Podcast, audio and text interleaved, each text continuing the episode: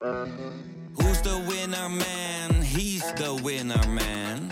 Is hij miljonair? Geen idee, maar nou en. Je hebt geen jackpot nodig to be a winner man. Oh oké, dat is wel lekker man.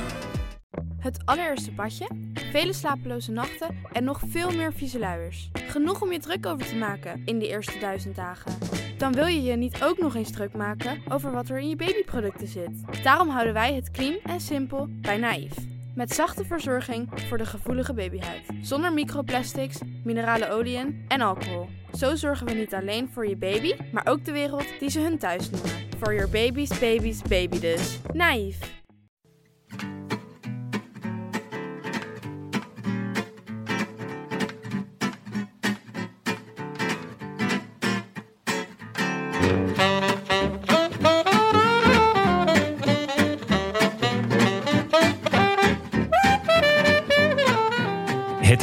Woensdag 10 november 2021 en live vanuit de Dag en Nacht Studio's in Amsterdam West is dit de Rode Lantaarn.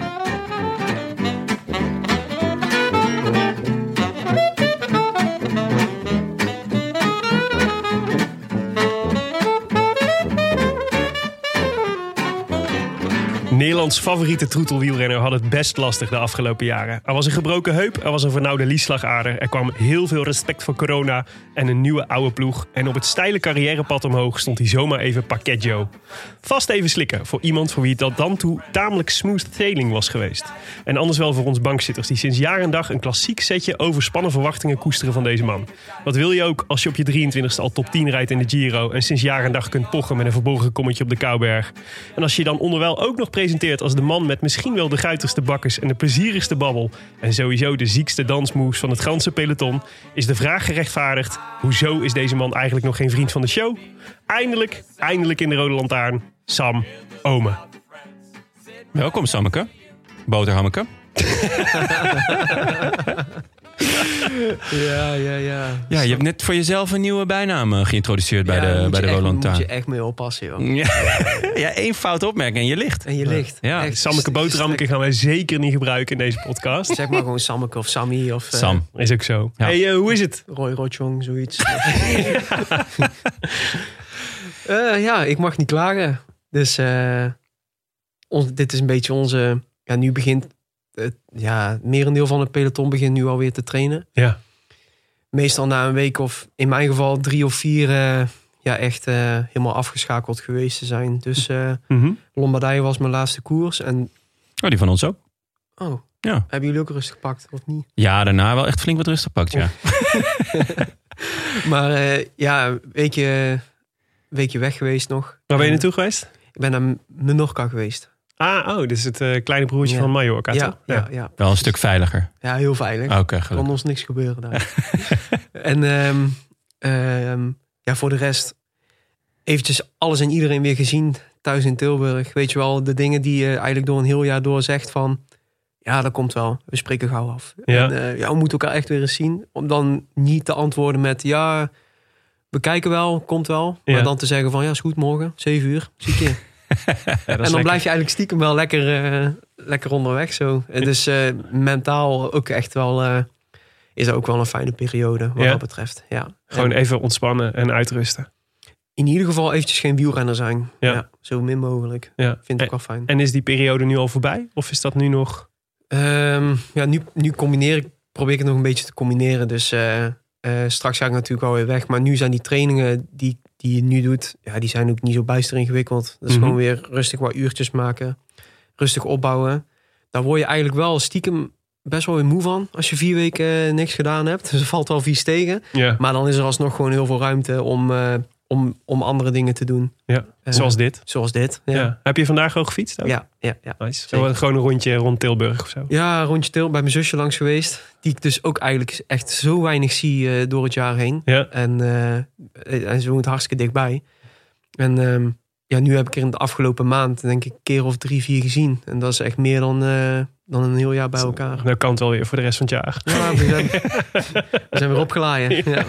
Nice. Ja. Ja, en ook wel lekker toch? Eh, Gewoon, eh, dan kun je tussendoor eventjes inderdaad even appeltaartje eten ergens. Of, Ja, eh, ja, ja, ja. staat allemaal nog niet zo'n druk op.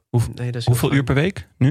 In fijn. Ik zou het niet weten. Ik, nou, ehm, dat hangt ook heel erg van het weer af. Dat vind ik ook heel fijn deze Ja. periode. Het is echt die eerste twee weken. En dan, ja, dan rij je zo drie.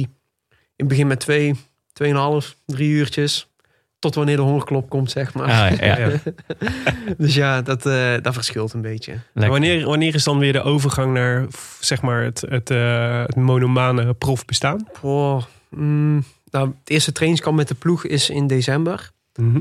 En dan wordt er al wel gewoon serieus getraind. Dat is allemaal wel relaxed en ontspannen. Ja. Maar Met appeltaart nog? Ja, dat kan Ja? wel. Ja. Oké, Ja. Dat is eigenlijk heel het jaar door wel. Gewoon met koffiestops of zo. Dat, Ja? het, eh, dat het er wel nog altijd nog bij zit. Maar ehm, ja, dat monogame bestaan, een monnikenleven, dat, ja, dat komt voor het eerst volgens mij tegenwoordig gewoon op de eerste hoogte. Want dan kun je ook niet anders op de eerste hoogtestages van het jaar. Ja. In voorbereiding al op Parijs-Nice en Tirreno en zo. Mhm. En eh, ja, die hoogtestages zijn altijd al in februari. Dus dan wordt het al redelijk Ja. basic. En is dat dan iets waar je er nu, al, nu tegenop ziet? Of, of Nu nog, ja, nu eh, ja, niet tegenop ziet, maar mm, Je hebt er ook En geen zin in. ik ben er in ieder geval nog niet mee bezig. Nee. Ah. het is gewoon lekker de fase waarin je nu zit? Ja, ja, ja, precies. Ja. Ja. Voelt dit voor jou dan ook, want dat zeggen volgens mij veel renners, dat dit eigenlijk de mooiste, november de mooiste maand is voor een wielrenner te zijn? Oh, dat is een goeie. Nou, ik, wat ik wel de laatste tijd vaak uitleg, bemerk ik. Ik eh, ga binnenkort, eh, als het goed is, ehm, weer op pad ver weg van Mhm. hier. En naar een ander werelddeel om, eh, om te trainen. Verre Oosten weer? Ja, en ehm, met een paar eh, collega's slash vrienden. Leuk. En ehm, ja, het is wel zo dat november eigenlijk, als je geen gezin hebt, Ja. thuis zitten, zeg maar. ehm, dus in de positie waarin ik verkeer, is dat zo'n gouden maand. Omdat je dan in principe heb je de mogelijkheid om... Ik ben ook naar Zuid-Afrika bijvoorbeeld geweest. En ja. Ja. twee weken gewoon mountainbiken. Wat, wat ik net zeg, die twee, drie uurtjes die je op een dag dan weer begint... Ja. Ja, die kun je fantastisch mooi ook op zo'n locatie doen. En dan combineer je het tussen haakjes nodige met het aangename... door ja, zo'n vet avontuur te doen en eh, eh, Ja. op die manier te Ja. combineren. Dus, en daar is november, want december gaat er eigenlijk al niet meer... omdat je dan, ja, dan ben je... Wij zijn eigenlijk tien dagen al, eh, om het oneerbiedig te zeggen... gevangen door een trainingskamp met de ploeg. Dus dan ga je ook al geen periode van twee, drie weken meer op Ja. pad op die manier. En daar is november wel bij uitstek gewoon echt Ja. fantastisch mooi voor. Ja. Dus jij gaat, dus je hebt een soort eh, privé, eh, privé eh, vakantie slash trainingskampje Ja, zo, belegd. zo kun je het goed noemen. Ja, Ja, je was er ook met, eh, met eh, Hofstede en Tolhoek in Thailand. Dus ja, en dit, paar- dat is hetzelfde wat ik nou gaat. eh, Ja, volgens mij gaat het weer maar ook weer, ook weer die kant op dus. ja, ja. Ja. En hoezo niet wel heel vet uit toen. Ja, goede vraag. Omdat eigenlijk, eh, ja, twee jaar geleden was zo cool. Ja. Zo zag het er echt uit toen. ik was eh, echt jaloers. Ja, het Thaise ministerie heeft ons ook wel benaderd van eh, Echt? dat het weer tijd was voor ons om terug te komen. Ja? Die, die eh mailen dan gewoon even. Ja, ja. Dit is de koning en de koning stond er ook achter. Dus daar zijn wij de beroerd. Ja, het is, wel, nee, het is klasse. Die jongens hebben er wel kijk op. Ja. Leuk zeg. Ja. Ik kan, kan Zuid-Afrika aanraden trouwens. Eh, Ja, ik, ja, ik ben er dus ook. ja. Ja, alleen Ik ik ben, ben, eh, in Stellenbosch geweest. En Ah, dan ja. echt met de mountainbike alleen. Oh, dat ja. is echt eh, ja, ook zo, zo, zo ik, cool. eh, ik ben daar geweest en toen eh, kwam ik daar eh, vol in training eh, Tom Dumoulin tegen. Oh ja. ja. En eh, drie keer raden wie er eh, twee maanden, drie maanden daarna de Giro won. Eh, jij niet. Ik niet, nee. Oh, toen. Ja. Dus, ah, maar dat was niet in de regio Kaapstad Stellenbosch. Dat was eh, Eh, ergens op hoogte. Ja, klopt. Want ja. ze gaan inderdaad, dat deden ze vanuit Orica. Toen de tijd deden ze dat altijd, gingen ze in februari. Dus eigenlijk die eerste hoogtestage. Ehm, in Europa de enige gebieden om dan op hoogtestages te gaan met goed weer. Dat zijn eigenlijk Tenerife Ja. en Sierra, Sierra Nevada hebben ze ook wel eens gedaan. Maar eigenlijk alleen Tenerife. Ja, dan heb je daar dat ene hotel, toch? Ja, dat ene hotel. Ja. En ehm, Zuid-Afrika is dan ook een optie die ze tegen die tegenwoordig, of in ieder geval die Orica toen Mhm. wel begon toe te passen. En we hadden Michael Matthews toen in de Ja. ploeg die vandaar kwam. En die heeft dat idee toen. En toen zijn ze met Tom, Wilco en Michael volgens mij. Ja, want Matthews eh, zag ik ook. En volgens mij Geske was er ook ja, bij. die was er ook bij. Ja. Ja. Maar dat scheen Super. toen echt super slecht weer te zijn. Nou, niet, niet toen ik tegenkwam. was ook echt in een, echt in een dorpje met, nou ja, ik denk vijf, vijf huizen. En, en ik, eh, je kon ook apen. eten. Ja. En ik, wij stoppen daar en ineens denk ik hè? Het zijn twee gasten in, in. Ik denk, is dat nou Dumoulin? Ja, ja, Toen ben ik nog met hem op de foto geweest. Leuk. Ja, goed. Echt betere VIP-spotten. Ja, was echt heel vet. Nice. Hey Sam, we gaan zo uitgebreid met je praten. Maar eerst even wat eh, administra- administratieve dingen. Dat moet ook gebeuren. Jonne, hoe is het met de spierpijn? Ja, goed joh. Ik ben, ik, ik ben zoveel fitter dan ik dacht eigenlijk. Geworden na dat ene ritje? Nee joh, nee. Ik heb, ik heb heel veel, eh, dat heet spiergeschiedenis. Dus mijn spieren, je ziet dat niet direct. Mhm. Maar eh daar zit heel veel geheugen in. Dus eh, op het moment dat ik dan op zo'n fiets stap... Of, of dat ik het veld weer op dribbel... dan is het, dan is het een soort hinde eigenlijk. Ja, Dus het komt allemaal... Ken je dat nummer It's All Coming Back?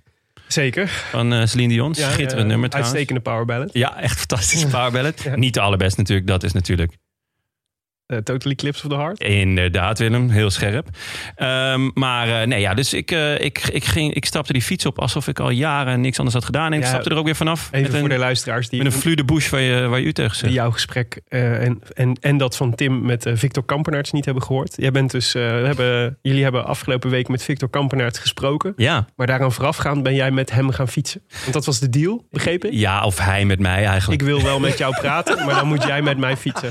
Ja, ja hij, is, hij is met mij gaan fietsen. Oh, Hij, is, ja. hij heeft jou... eh, ja. Hij heeft me eraf gereden. En, eh, maar het was, het was wel echt vet. Eh, ten eerste, ja, we gingen gewoon over stukken van, van de omloop, volgens mij voornamelijk. Ja. Ja, bij Gaveren. hè, was ja, bij Gaveren. Ja, en, ehm, ik had nog lichte hoop, want ik, ik, ik weet van mezelf dat ik geen sprinter ben.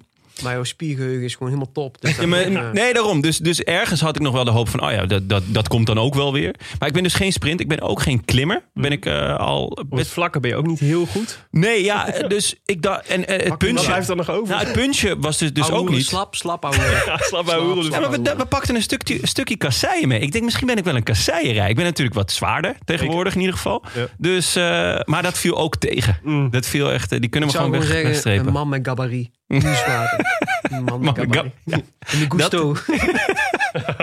Nou, eh, we gingen een klimmetje op, volgens mij de Wolvenberg. En eh, dat heb ik in de podcast uh, die vorige ook gezegd. En het eerste wat uh, Kampenaert zei. Je hebt weinig grinta, hè? Ja, ja daar, was- daar moest ik heel erg om lachen. Ja, dat was echt een doodsteek. Maar Dus- wat, een, eh, wat een ontzettend leuk gast. Ontzettend leuk gast. Ja. Echt, ehm, het, ja, het was gewoon ontzettend leuk. Ik vind al die alle eh, eh, specials ontzettend leuk om op te nemen. Omdat we gewoon altijd veel van leren. Dat sowieso. En dit was ook ex- extra leerzaam omdat ik ja, met hem heb gefietst. ja. Maar ook ja, de, de dingen die hij zei, de inkijkers die hij gaf. Ja. En ik appte, want het was natuurlijk de dag dat, dat het werelduurrecord werd aangevallen. En het was niet gelukt. Ja. Dus ik eh, volgende ochtend toch een appje gestuurd. eh, toch een beetje opgelucht. Ja, ja. Hij zei ja, toch wel. ja, dat snap ik wel. Dus eh, nee, was. eh, Nee, maar ik vond hem naast dat hij, dat hij eh, verstandige dingen zei. was ook gewoon een super sympathieke gast. Ja, ja. Die, wil ik wel, die ga ik wel voor juichen. Ja, zeker. Rare Dus, kwiet, maar... eh, Ja, ja even voor de, voor de duidelijkheid, omdat het toch administratie is. mhm. Die uitspraak dat het een rare quibus is, Ja. die werd mij toegedicht. Hè? Ja, nee, die was voor mij. Die was van jou, hè? Ja. Want zo ben jij. Ja, het ging Maar over... jij bent niet gaan fietsen. Nee, ik, ik was er niet bij. Dat is Nee. het mooie, nog. Hij kon Ja. ineens niet. Nee, ik kon ineens niet. Nee, moest Nee. ik met Tim. Nou, eh, Tim is nog een mindere fietser dan ik. Die is ook niet Eh, opgestapt. Die, ja, precies. Ja, dat, ja, die heeft over, eh, over gebrek aan grinta gesproken. ja. Ehm, nee, nee, het was- het ging toen over. Maar dat, dat- volgens mij was het in algemene zin dat we zeiden dat mensen die zo monomaan bezig zijn met alleen maar tijdrijden, Ja. dan, je moet eigenlijk een beetje gek zijn, toch? Ja, ja, ja. En het is ja. gewoon een beetje, een- het is, die- dat, vereist, dat vereist dat je een beetje, eh, Beetje een quibus. beetje gek in de kop bent. Ja. Niet alle 24 in het kratje. ja, dat zeggen ze. Maar toen Van Emden, die natuurlijk gewoon heel normaal is. En die ging, toen, die ging toen tijdrijden. En die dacht toen ineens van... Oh ja, ik moet ook maar gek gaan doen. Dat hij Ja. toen alleen maar appels ging vreten. Ja, precies. Dus je hebt waarschijnlijk ook gewoon heel normale tijdrijders. Maar die... die ja. ik kan, ik, Filippo- lijkt me ook best een normale gast. ja, ik wou net zeggen. Sam, kan jij Filippo Ganna? Kan je Nee, zijn nee, nummer nee. regelen voor mij? Ja, Ja? Zeker. Dat zou ik wel enorm Ja, kunnen willen. Ik zou best maar een wat keer met moeten hem... we ermee? Nou ja, gewoon een keer uit eten of zo. Dat ik gewoon eh, gewoon lekker, bellen. Ja, dat ik gewoon een paar uur- stem horen. lekker naar zijn benen ga zitten kijken. Ja. Just call to say I love you. ja. Nee, maar ik vond het een super mooi gesprek. Het was echt eh Dank je. compliment. Was, het was Ja. ontzettend leuk. Ik hoop dat, denk dat de meeste mensen... eh, Ik heb veel goede reacties gehad. Zeker, heel veel. Dus ja, ehm, was, eh, was genieten, dank je. Zeker. Hey, eh, voordat we aan het eh, gesprek met Sam beginnen. Ik drank. dacht, eh, ik neem weer eens een biertje mee. Wat leuk, Willem. Ja, ik ga weer eens Goed. naar de, de Sterk, de delicatessen op het hoekje. Ja. 24 uur winkel in Amsterdam. Waar je champagne en bier kunt kopen in En- alle soorten en maten. En escargots. En escargots. Ja, die heb ik deze keer... Gewoon bijna avondwinkelen. Deze keer laten staan, de escargots. Ehm, maar ik dacht, Ja. het, wordt, het wordt weer eens tijd. Want we zaten hier eh, de, de, de voorraad bier van, eh, an- van alle andere podcasts eh, op te snoepen. En dat was een, een, niet een, per se een onverdeeld succes. Nee. Er zat eentje met mandarijn bij. Ja, alles van Man Man Man vind ik echt smerig. Ja, dat is ja alles. de conclusie. Alles. Gewoon het, het hele to- totaalplaatje. Het totaalplaatje, het hele pakket. Maar ehm, eh, nee, eh, de- deze gaat jou denk ik wel bevallen. Ja? Eh, daar is natuurlijk altijd de vraag, wat neem je mee? Je moet altijd een beetje hè, richting, de, richting de gast ook. De belhamel heb ik voor je meegebracht. Oké. Past goed bij je nieuwe bijnaam. Bij Sammeke Boterhammeke. Sammeke boterhammeke, de belhamel. Ja, daar gaan we. Ik lig nog steeds gestrekt. Het is de laatste of misschien de ene laatste keer dat we deze bijnaam doen in deze podcast. Maar eh, de, van de eeuwige jeugd, dat is uit eh, Amsterdam toch? Zeker, zit bij mij om de hoek. Ontzettend leuke kroeg. Echt, eh, en ook echt een lekkere keuken. En weet je wat het leuke is van de eeuwige jeugd? Nou, Dat ze ook gerate zijn door twee van onze oude bekenden. dit meen je niet. Want eh, Dutch Darth Vader? Dutch Darth Vader en Ice Dwarf Nee, hebben toch. de, hebben de belhamel van de eeuwige jeugd besproken. Wat goed. Op ratebeer.com. En eh, nou, eh, ze verschillen nogal qua mening. IJsdorf komt op 3,9 en eh, Dutch Darth Vader op 3,1 Van de vijf, hè? van de, vijf. Ja, maar dat is dus bijna een sterrenverschil. Wat ze Ja, daar, Ja, Terwijl ze het vaak met elkaar eens zijn. IJsdorf zegt goudkleurig bier met een mooie schuimkraag. Smaak is bitter hoppig en fruitig, zoals je van een IPA mag verwachten. Met iets van citrus, mango en grapefruit. Een erg fijne IPA, wat mij betreft. Geen mandarijn, dus dat is Geen mooi. mandarijn. Ja, ik, ik vond het even tricky. Zeg maar. Nee, nou ja, wacht maar tot eh, je Dutch Darth Vader heeft het over fris ananaszurig, harsige dennennaalden smaak. Shit, dat moeten we hebben. Met een Ja. klein hopje en een zoetje waar de redelijke zurige, bittere afdronk overheerst.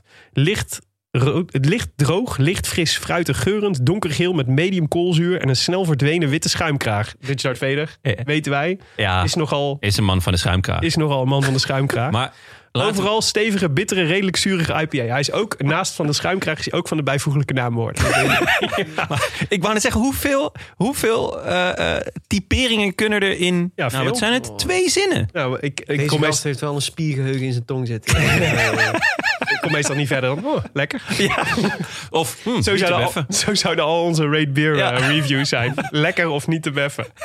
Misschien dat ik ook maar eens een accountje ga aanmaken. Precies. Ik, eh, de eerste is voor jou. Wat zou jouw naam dan zijn? Want we hebben het nou over Sammeke Boterhammeke, hè? Ton Garçon. Toch? Je boy. Je boy. Ja, dat betekent, het is Frans voor je boy. Ja, Tonga. Zo- ja, ja, Ton Garçon, zij heeft mijn bedrijf ook. Production du Ton Garçon. Iedereen eh, kan mij daarop bereiken, mochten jullie voor heel veel geld een podcast willen maken. Vet. Ja, goed hè? Wat een vette naam. Ja, goed hè? Tonga.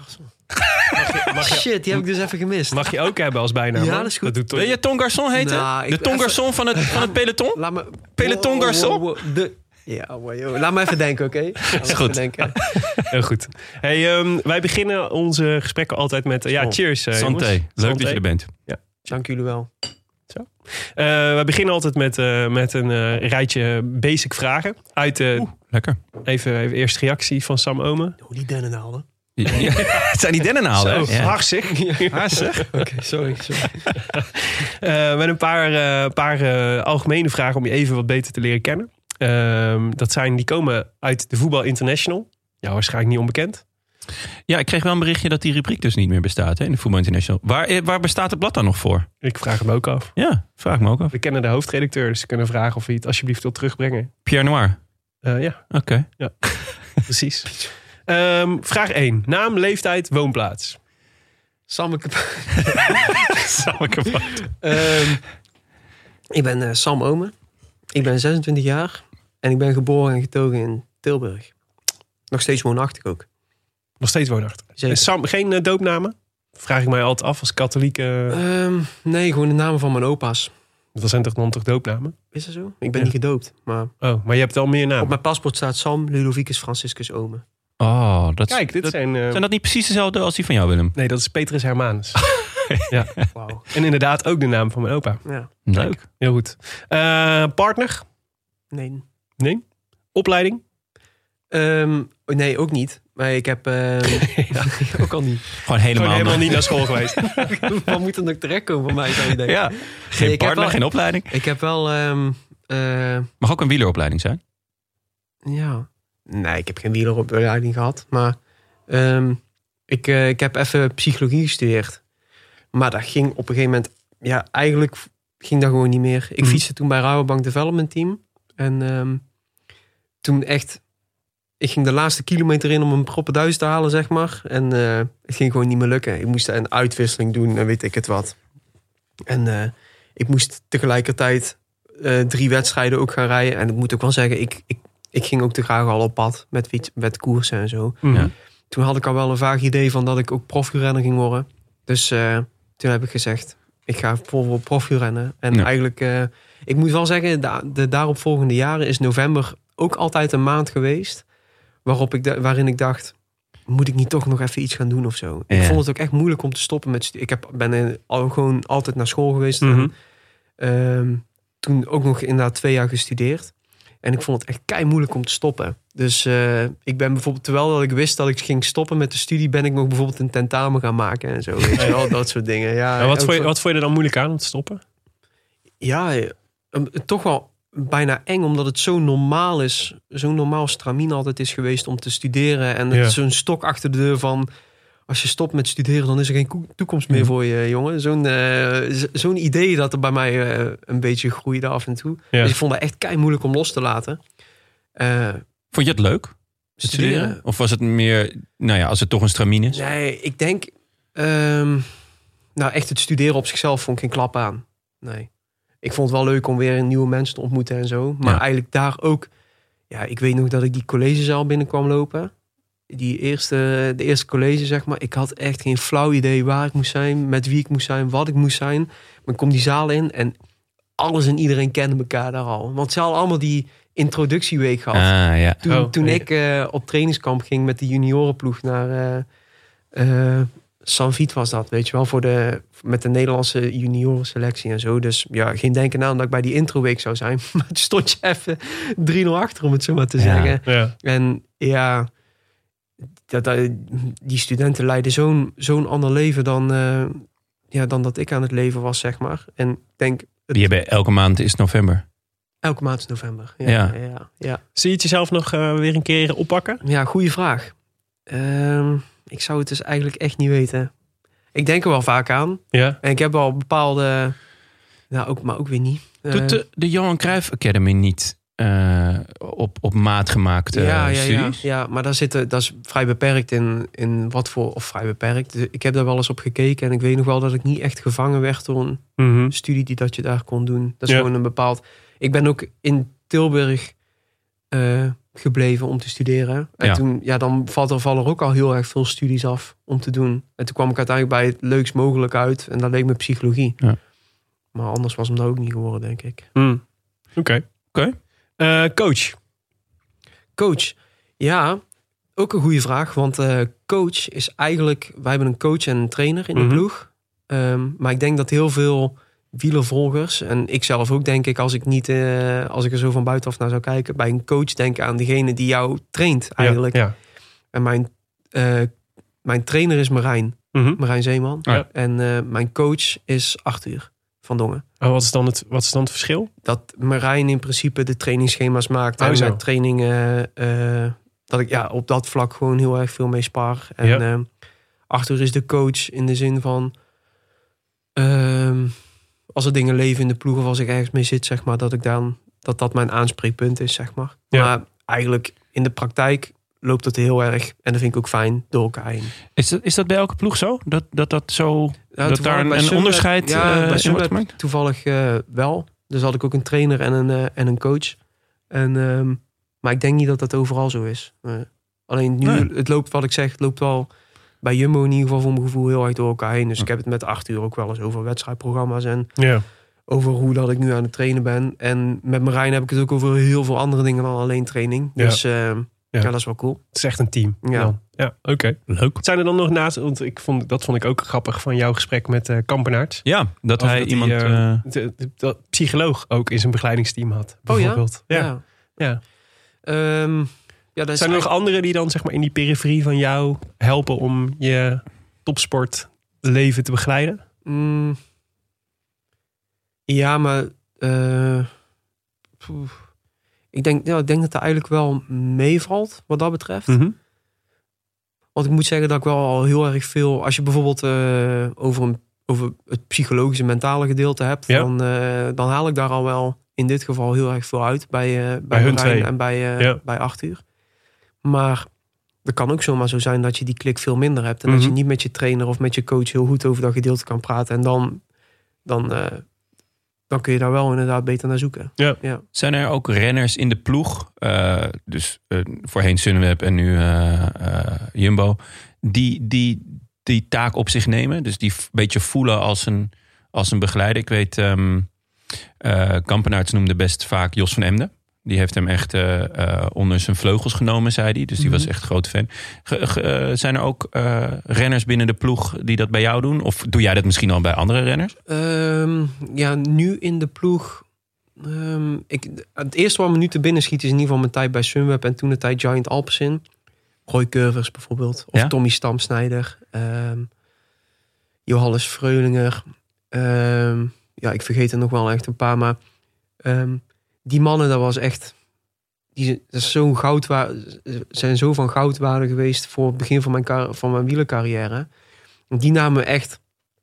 ehm, die namen je echt mee op sleeptouw. En eh, liet je heel erg welkom voelen. En ehm, ja, die draag ik echt gewoon voor de rest van mijn leven zo'n warm hart toe. Ik, eh, ook, ik kan iets wat me nou te binnen schiet bijvoorbeeld is... ehm, mijn eerste... Of toen, toen ik Tour de Lamel lag ik bij, eh, bij Stammy, Tom Stamsnijder op de kamer. En dan hoe dat hij met mij bezig was en om, eh, om voor me te zorgen bijna en zo. Ja, dat was zo... Dat was zo'n warm en vertrouwd gevoel. Dat heeft echt wel bijgedragen aan hoe comfortabel ik me voelde. Gewoon in de ploeg en in de wedstrijd en zo. En ook in Parijs-Nice 2018 bijvoorbeeld. Toen heb ik het echt wel lastig gehad. Eh, ook omdat Parijs-Nice een hele stressvolle wedstrijd is. Maar Mhm. het, het ging ook niet zo goed. En ik had er echt wel moeilijk mee. En dat was Roy echt... eh, die, die, houdt dan wel het over, die hield toen wel het overzicht van... hoe het met alle jongens gaat. En die zag ook wel dat ik ergens mee zat. Ja. Ja, en die is dan, eh, die pakt je beet en die, eh, die heeft een goed woordje met je, zeg maar. Ja. En een paar maanden later in de Giro, toen ik negende werd, toen was hij er ook bij. Ik hoorde hem nog zeggen, kijk nou vent, ik heb het u gezegd hè, in Parijs-Nice. Dus, weet het is, eh, die gasten, dat ze, als je het daarover hebt, ja, die, die hebben we altijd heel erg op sleeptouw genomen. Ja. Mooi. Ook nog steeds, denk ik, de best beluisterde Roy special. Roy Curvers, ja zeker. Roykers, de best Ja. beluisterde Ook heel, heel, eh, heel inzichtelijk op heel veel manieren. Hij was, eh, het gesprek met hem ging heel erg over de sprinttrein. En waar Ja. je nou op moet letten en hoe dat georganiseerd wordt. Ja. En hoe hij daarmee bezig is. En ik vond dat echt, als je het dan hebt over beter leren kijken naar koers. Dan is dat, vond dat echt een, echt een hele mooie. Ja. Dus als je, die moet je terugluisteren. Die Ja, verbaast me ook niks dat je hem noemt. Als je het hebt over een koerskapitein, dan is dat alles voor mij, komt, komt samen in een koerskapitein voor mij bij Roy. Ja. Ja, vet. Mooi. Of jeugdidolen. Mm, jeugdidolen. Eh, op welk vlak? Ja, mag jij, eh, van wie had je posters op je kamer vroeger? Nee, ik, had, ik, denk niet, ik weet niet of dat ik die eh, echt had. Posters van... eh, ehm, ja, ik- maar waar ik wel heel gauw heel groot fan van was, waren, was van de Red Hot Chili Peppers. Oh ja? Ah, En eh Blink-182, Sum 41 vond ik echt fucking vet. ja. En nog steeds wat trouwens. Green Day en die shit. En later is er ook wel, wel, wel hip, meer uit de hip-hop scene bijgekomen. Dus eh, ja, iedereen wordt volwassen natuurlijk. ja, iedereen wordt volwassen. Ja. Allemaal naar eh, Ronnie Flex luisteren. nee, maar eh, trouwens, ik luister ook wel graag naar Ronnie. Moet ik Ja. zeggen, ik ben laatst nog bij een live concert van hem geweest en dat was echt vet, man. Ja? Ja, ja, ja, Vet. zeker. Ja, Hij ja, kan ja. wel wat. Dat is echt een goede. Dat is echt wel een, eh, echt wel een muzikant. Ja. Maar ehm, ja, en qua. En op sportgebied? ja, ik, ik was wel fan van Tom Bonen. Mhm. Ik kan me herinneren, ik, weet, ik ben nog wel eens gaan kijken toen bij de Acht van Kaam, Ja. bij het criterium. En eh, volgens mij rond hij daar ook. En dat vond ik wel cool. ja. Maar daar, wel- ja, daar was ik wel fan van Ik volgens ben niet mij. de eerste die hem noemt. Uh, Naas ook. ja. Tony Hawk. Heb je hem wel eens eh, eh, een levende lijven ontmoet ook? Ja, en ook nog tegen gekoerst. Ja, ja? Ja? Ja, ja, ja. Nou, dus dat is dan wel bijzonder, toch? Ja, dat, dat je dan in één keer naast zo'n gast rijdt. Ja, ik heb nog wedstrijden gereden in mijn Rabo-jaren. Eh, dan reden we af en toe wel eens een profwedstrijd... waar die mannen dan zeg maar... Dat waren van die 1.1 koersen. Dus dan de World Tour ploegen... die reden die eigenlijk... Ja, vaak als een soort voorbereidingswedstrijd... op de grotere wedstrijden. En voor ons waren dat eh, de grootste wedstrijden van het jaar. Ja. Heb ik nog tegen Cadel Evans volgens mij gereden. En eh Veuclair en Trombone ook wel. En eh, Ja. ik, ben, ik vind het wel heel gaaf dat ik dat nog heb meegemaakt. ja, ja. dat geloof ik. Ja. Ja, tof. Oké. Ehm, eh, nou ja, muziek hadden we het net natuurlijk al een beetje over. Ja, Eh, hoogtepunt in je carrière tot nu toe? Ja, ik denk. ehm, eh, dan zou ik denk toch voor het WK ploegentijdrijden gaan in Bergen. Mhm. Ah, Ja, leuke keus. dat was echt zo vet, jongen. Ja? Ja, ja dat was echt vet. Waarom dan? Ondanks Los van toch- dat je won. Want dat Ja. kan me voorstellen dat Oh, dat heel ja, tof ja, is. ik wil zeggen, ondanks dat. ehm, ehm, dat ik toch wel van overtuigd ben dat. eh wielrennen is een heel ingewikkelde sport, vind ik altijd. Van, ja, ik krijg, kent de bekende vraag wel: is het een teamsport? Is het een individuele sport? Ja, schiet mij maar lek. Ik heb geen idee. Mhm. Maar ik weet wel dat ja, die individuele factor, die is er gewoon heel erg. Want uiteindelijk, ja, ehm, iemand kan een grote ronde of een hele grote wedstrijd winnen met dank aan de ploeg. Maar toch staat er maar één, één naam uiteindelijk bovenaan die de geschiedenisboeken ingaat, zeg maar. En dan is het, ik vind dat bijvoorbeeld wel heel cool bij Sunweb, als het toen, of Giant Alps in, toen John Dekel Parijs-Roubaix won, weet je wel. Dat Ja. iedereen, eh, onder andere Roy, mee op het podium stond, weet je wel. Ja, ja. Maar toch, Degen gaat, Dekelp gaat als, eh als winnaar Zou dat, hij krijgt die kaai. Ja, Ja. dus Ja. Ik, ik, ik vind dat altijd zo. Ik, ik ben er ook altijd wel van overtuigd geweest. Van ja, uiteindelijk gaat het toch om, om, om jouw om- vooral om het individuele stuk, wat dat dan ook precies mogen zijn. Maar die dag was dat toch. Ja, ook tu- tuurlijk wel een stukje individueel in. Want je wil niet lossen bijvoorbeeld. Hè. Je Ja, wil niet in ja. zo'n ploegentijdrit eraf gereden worden. En je wil je steentje bijdragen. Maar daar En je reed nogal met behoorlijk grote ik reed motoren. met, ja, reed met hele grote motoren. Dus ik was ook ja, echt super nerveus. Veel nerveuzer dan voor een eigen tijdrit of voor wat dan ook. Want ja, ik stond... De, nou, eh, Tom was er natuurlijk. Dumoulin, ja. eh Lennart Kemna. Wilco. Michael Matthews. Seuren. Seuren is ook echt een enorme, enorme machine op een tijdritfiets. En Sameke Boter. Zijn jij geworden? Zijn jij ja, geworden? Ja, ja. Ja, maar en Ja. ik weet nog dat we toen eh, de dag voor die ploegentijdrit eh, gingen we verkennen. Mhm. En eh, wij keken, dus we kwamen met de bus. ja, de bus was er. Ik weet ook niet precies waarom. We kwamen bij de start aan en wij keken om ons heen. En al die ploegen, die waren gewoon echt een generale repetitie aan het doen. Dus die zaten op de rollers, die waren aan het opwarmen. En in, in, met tijdrithelmen, alles erop en er. En wij dachten van, het is toch morgen pas koers of niet? Ja. Ja. Wat, wat gaan we nou doen? Ja, echt. En nou ja, het zal wel. Wij in ieder geval één keer gewoon goed gereden. En een beetje gedacht van, ja, doen wij nou iets verkeerd? Of, eh, want al die mannen die zijn hier echt, eh, die hebben gewoon al gereden alsof het koers was. En s'avonds ook tijdens de bespreking was eigenlijk eerst de intentie om er allemaal een soort boekwerk op los te laten van zoveel eh, secondes moeten op kop rijden, dit en dat. En ik weet nog wel, toen, daar ben ik ook wel eens wel fan geworden, extra fan geworden, denk ik, van Tom. Ja. Tom die, ehm, die zei toen ook wel van eh, gasten, laat zitten. We zijn allemaal gewoon topcoureurs. Wij weten gewoon donders goed hoe het moet. Vertrouw op jezelf. We zijn hier niet voor niks met z'n zessen. En morgen gaan we gewoon rammen. En natuurlijk wel een paar basisuitspraken van... Ja, als ik eh, bergaf op kop zit, dan moet ik niet lang op kop rijden... want ik ben de lichtste van de groep en Ja. bla bla bla. Dus wel de basisafspraken gemaakt.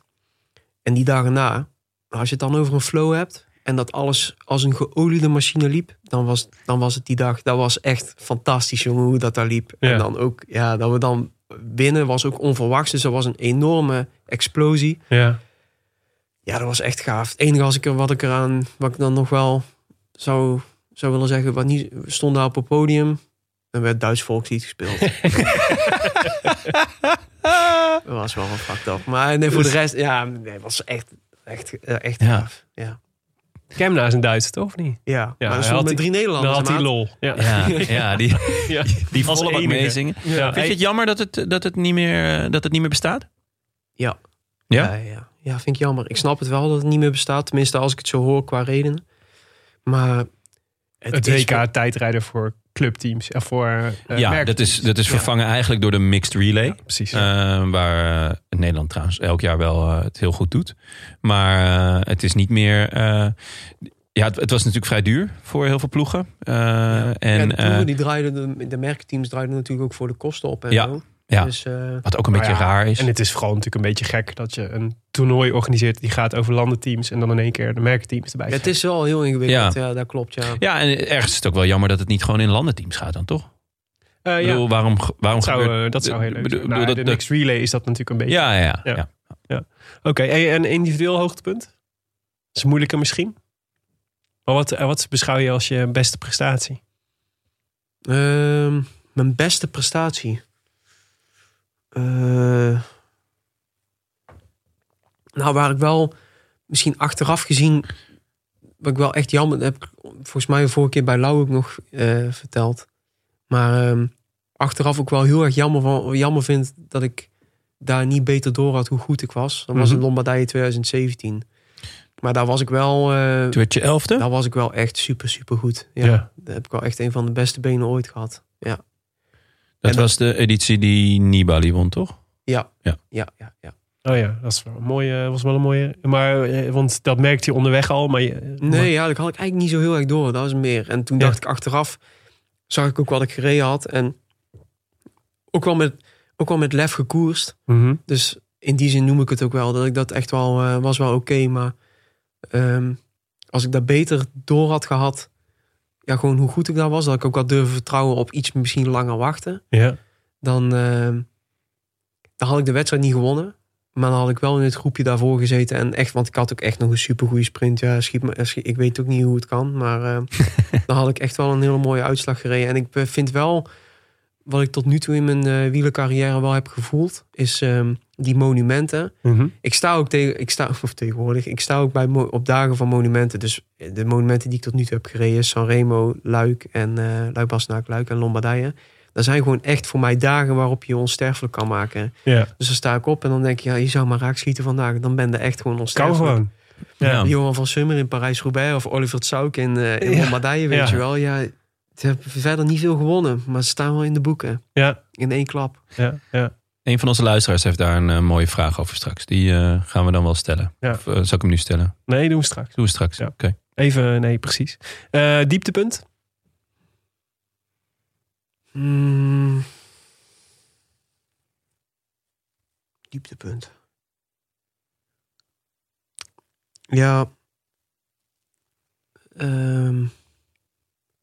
nou, ik denk wel toen ik. eh, eh, ik vind het moeilijk om daar nu in één keer. Want er zijn wel meerdere dieptepunten geweest. maar ehm wat me nu het eerste te binnen schiet is, denk ik, etappe drie of vier van Baskeland 2019. Daar kwam ik over de streep en dacht ik van. Daar zei ik ook toen letterlijk eh, tegen degene die mij toen opving. eh, ik wil het niet meer. Mhm. Dat ik zo eh, voelde ik me zo, zo kut en slecht. En Ja, daar hield mijn benen zeg maar mee op. En ja, daar verloor ik al het vertrouwen en al het. eh, we hebben s'avonds echt mentaal helemaal eh, in de put. echt in een soort put gezeten. Ja. Ja. En wie heeft je er toen uitgekregen? Of heeft dat eh, heel lang geduurd? Eh, wie heeft me toen uitgekregen? Nou, eigenlijk ehm, ben ik toen gewoon wel redelijk doorgegaan. En misschien heb ik mezelf... Ja, ik weet niet of dat iemand mij specifieker uit heeft gekregen. Er zijn heel veel mensen heel lief en heel fijn voor mij geweest toen. Ook de ploeg is... eh Sunweb toen was ook echt supergoed eigenlijk wel voor me, moet ik zeggen. En die hebben me altijd heel erg... eh, die hebben gewoon gesteund in dat ik mocht onderzoeken...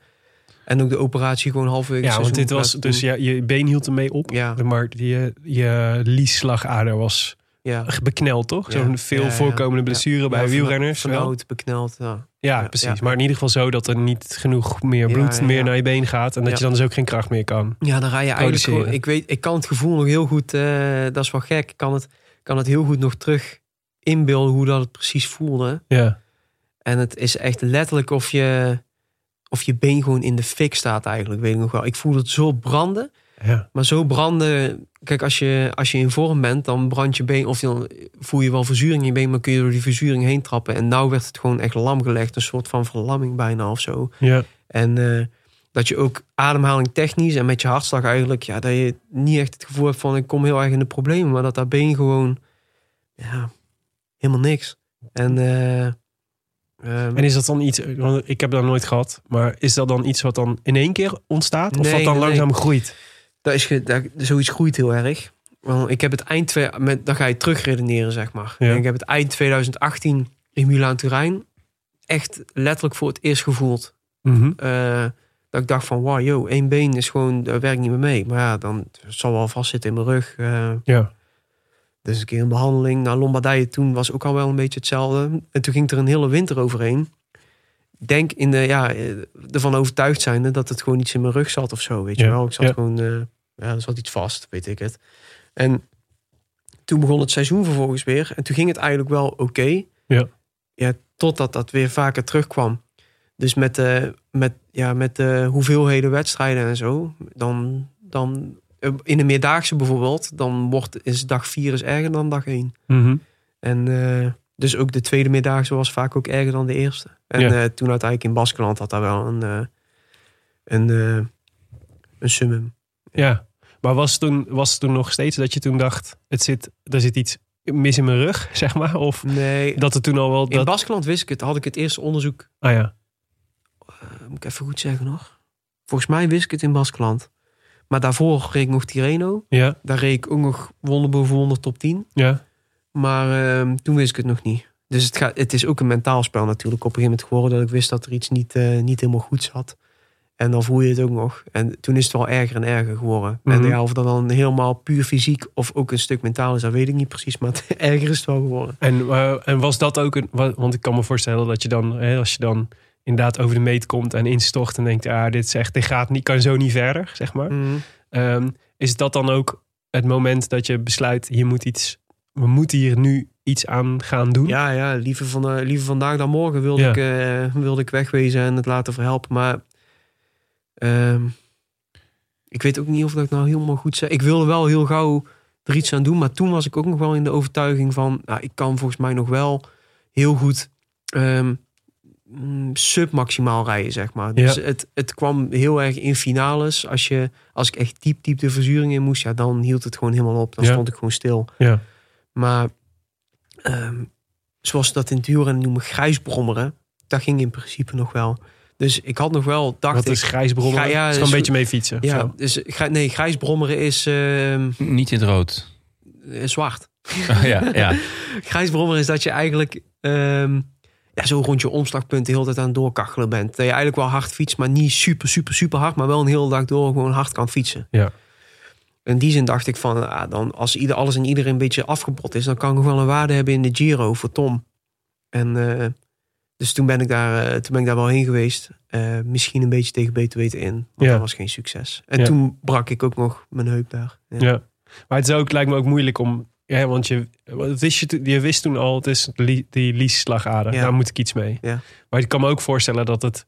eh, om dat dan daadwerkelijk er iets aan te gaan doen, zeg maar. Mhm. Geopereerd en dan de herstelperiode. Dat je daar ook wel tegen op ziet. Het is wel, nee, het is wel een operatie. Ja, en eigenlijk gek genoeg, die operatie zelf, ja, dat kon me niet gauw genoeg gebeuren. Ik heb niet eens overwogen, zeg maar. Daar is mijn moeder wel een hele fijne vrouw voor in mijn leven. Ja. Die, eh, eh, die, snapt er, helemaal- die, snapt, die, eh, die snapt er helemaal niks van. Dat ik die operatie ging laten doen, bij wijze van spreken. Die denkt van, ja, je bent gek joh. Het is maar een beetje fietsen. Hmm. Ga nu een slaghalen laten snijden. ja. Ja, eigenlijk helemaal, ja. Je kunt er eigenlijk als nuchtere kijker ook niet helemaal ongelijk in geven. Maar het beperkt mij wel in gewoon... Maar het, was toch, het is toch gewoon, als je, topsport... als je eh, het niet doet, kun je toch geen topsporter blijven? dat ja. is toch eigenlijk waar het Ja. neerkomt? Ja, ja, ja. Ja. die- het topsport in ieder geval op het niveau waarop wij fietsen. Ja. Ja. Eh, is er een, een niveau topsport? Ja, ik bedoel gewoon echt... Ik zou... ehm, nou ja, ik heb nou nog steeds wel gewoon de ambitie om... om om juist die diepe finales mee te doen. Ja, en daar een rol in te spelen. En dat ging gewoon niet meer lukken op die Nee, maar- manier. en dan maar kun je misschien alsnog wel een heel goede knecht zijn. Maar dan ben je gewoon wel vaker, vaker eerder Ja, klaar. en een knecht met pijn. Met Altijd. pijn, Ja. Ja. Ja. dat is daarom over de mentale struggle nog maar te zwijgen. ja, want eh, heb je spijt achteraf dat, dat je die Giro hebt gereden? Ja, goede vraag. Ehm, Dank je. Nou, spijt is niet het goede woord. Want ik geloof, ja, dan moet ik toch inderdaad terugkomen wat ik net zei. Van Mhm. liever vandaag dan morgen. Ik had toen echt nog wel de overtuiging dat ik, dat ik iets kon doen. Ook omdat Wilco zou eigenlijk naar de Giro zijn gegaan toen. Maar die ging toen op zijn plaat in Catalonië. Dus Tom had iemand nog nodig voor in de, Ja. voor in de bergen, in de Giro. En ik dacht toen echt... En je bent Ik toch een beetje de Robin van de Batman, eh, Tom Dumoulin, in die tijd. Ja, ja maar ik, ik, ik, ik wil het ook echt wel zelf graag. En Ja. ik heb het ook zelf voorgesteld aan Tom. Ja. Dus, ehm, eh, en dat zou ik niet doen als ik, als ik zou denken van, nou, waarschijnlijk bak ik er niks van. Ja. Dus ik denk, ik, toen dacht ik ook van, ik kan waarschijnlijk op een bepaalde manier niet meer om zelf eh, ook nog in zijn schaduw een mooi klassement te rijden of zo. Maar wel ik dacht wel van, ik kan, kan er nog wel voor hem zijn. Gewoon tot, tot de laatste berg. Ja, zoiets. Kan ik hem afzetten. En, kon- eh, ja, dat, dat, nee, dat was gewoon niet zo. Dus ja, met terugwerking, als ik erop terugkijk, dan was het inderdaad ja, niet, eh, niet het meest verstandige. Maar toen Ja. dacht ik wel van, ja, dat zou wel moeten ja, kunnen. dus met de kennis van nu natuurlijk Ja, makkelijk, eh, nu. Ja. makkelijk praten. Ja, Ja, ja. Maar, maar rock bottom is dan wel als je inderdaad naast je eh eh, liesslagader ook nog eens je heup breekt. Eigenlijk eh, is dat, dat heeft echt eh, een hele moeilijke situatie opgeleverd. Ja, die heupbreuk. Ja. Dus ehm, eh, toen heb ik voor het eerst meegemaakt dat ik gewoon echt eh, ehm, heel erg afhankelijk was van andere mensen en echt niks kon. Ja. Of ja, niks kon. Dat klinkt, dat is ook relatief, maar ja, ik zat in een rolstoel en kon eigenlijk geen kant op, zeg maar. Ja. Ik mocht niet lopen. Dat is vrij weinig. Ja. Ja. En ehm, eh, ehm, dat ik ook niet goed wist meer even hoe dat ik mijn dagen verder door moest komen. Dus eh, eh, en daar heb ik eigenlijk echt nooit eh, daarvoor ook nooit zo ervaren. Ehm, ik moest ten eerste natuurlijk even het idee helemaal los gaan laten dat ik nog eh, wielrenner ging zijn dat jaar. En toen wielrenner was. Ja. En ehm, ja, die switch, die switch maken, dat was wel even. Ja, zittende in de rolstoel, dat was wel ingewikkeld. Want dan zit je daar gewoon in één keer in je huisje in Tilburg. Ja, In een rolstoel. ja, ja. ja. Beetje tv kijken. Nee, ja, wat, wat deed ik toen? Ik, ik, ik, eh, ik kwam er toen wel achter hoe rolstoelonvriendelijk trottoirs zijn, jongen. Holy motherfucker. Ja, dat is echt niet best. Dan staat er weer zo'n kutfiets en dan denk je, oh, yeah, die- kunnen die daar nou parkeren? Dat maakt normaal nooit, nooit iets uit. Maar ja, ik, ik kon er gewoon niet langs. Nee. Ja, echt ongelooflijk. En dan reed ik naar het kanaal toe, ging daar een boekje lezen en weer terug. Zoiets, weet je wel. Dat, en toen heb ik vervolgens wel, eh, wat ik net omschreef, wat ik nu in november altijd doe, alles Ja. en iedereen weer zien. Daar heb ik toen, toen heb ik wel op een gegeven moment na een week mee, een week zelfmedelijden, een beetje mezelf bij elkaar gepakt en gezegd van, ik ga gewoon tegen alles ja zeggen wat nu op mijn pad komt. Ja. Ja. En toen ben ik eigenlijk, heb ik eigenlijk nog wel een redelijk fijne periode gehad, maar ja, het was wel even strijden. ja, en het is ook denk ik een heel groot contrast. Omdat je eigenlijk ook iets anders had willen doen in die tijd. Toch? Ja, ja, ja. je En, nou, ik, eigenlijk, dat is wat ik bedoel met die heupbreuk. Mhm. Ik kwam toen op drie, ik zou eigenlijk 6 juni geopereerd gaan worden na de Giro. Dat was een beetje blue sky scenario. Je rijdt de Giro, die gaat nog redelijk goed. En dan eh 6 juni kun je, kun je geopereerd worden. fixen die eh, ja, slagader ja, even. ja, ja, en dan krijg je een revalidatie van ja, t- negen weken zoiets. Maar dan kun je dus eigenlijk lang vooral kort in eh, september misschien nog wel weer wat wedstrijdjes rijden. Ja. Ehm, maar toen kwam ik 3 juni, 3 juni kwam ik op het ziekenhuis bij de chirurg. Die wilde toch even checken hoe ik eraan toe was. Ja, ook echt een legendarisch verhaal. Mag ik dat tussendoor even proppen? tuurlijk, graag zelfs. Kun je het voorstellen? Nee, nee Dus- dit legendarische verhaal laten we Ja. liggen. Ja. Nee, we hoeven niet te horen. Ja, ik weet eigenlijk ook niet of het zo legendarisch is. Maar ik dacht wel van, hoe krijg je dit? Alsof dat inderdaad van boven wel verteld was. Van, eh, dat niet ging gebeuren. Want ik viel toen, heupbreuk. En een dag later viel ik, of, eh, re- eh, reis ik terug naar, eh, naar Mhm. Eindhoven via Bergamo. En ik stap daar eh, half hikkend. Dus ik liep op, ja, ik, ik weet ook niet hoe ik het gedaan heb. Maar ik mocht eigenlijk dus echt niet lopen. Maar ik deed toen half een bak op krukken, zeg maar. Struikelde ik zo het vliegtuig in. En ik kom daar aan. En ik pak mijn stoeltje. En dan zit daar een, een man. Ja, hoe oud zou die zijn? Tussen de 50 en de 60 of zo. En eh, die zegt tegen mij: "Wauw, Ik denk dat het wel goed komt met jou. Volgens mij is, er geen, eh, is het geen hele grote breuk. Ik denk, ah, dan krijg je het weer. Weer iemand die er verstand van heeft. Laat me rust, joh. Weet wel, ik eh, voel me zwaar ellendig. Ja. Maar toch maar een beetje gevraagd van, ja...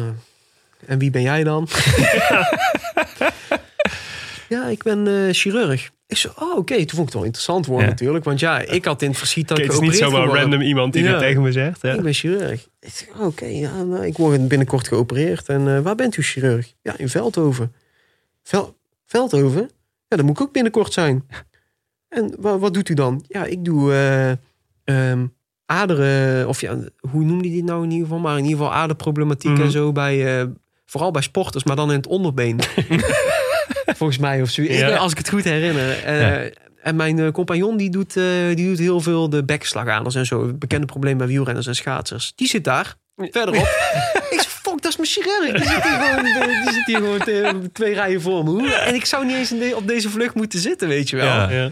Ja. De- En toen, eh, toen kwam ik vervolgens in Eindhoven. eh, toen heb ik echt heerlijk zitten praten met die, met die man. Dat was echt super fijn eigenlijk. Dat Ja. was eigenlijk al een soort troost, weet je wel. Hoe dat ik met hem eh, over operaties en over... Ja, zo is in één keer gewoon weer een heel praktisch probleem Precies, in plaats van. Ja. super fijn. Ja. En toen kwam ik, werd ik met mijn rolstoel. Toen ben ik wel met de rolstoel Eindhoven Airport binnengereden. En toen stond daar eh, de chirurg die me zou opereren, die stond daar. En die zag mij daar zo toegetakeld binnengereden worden. Ja.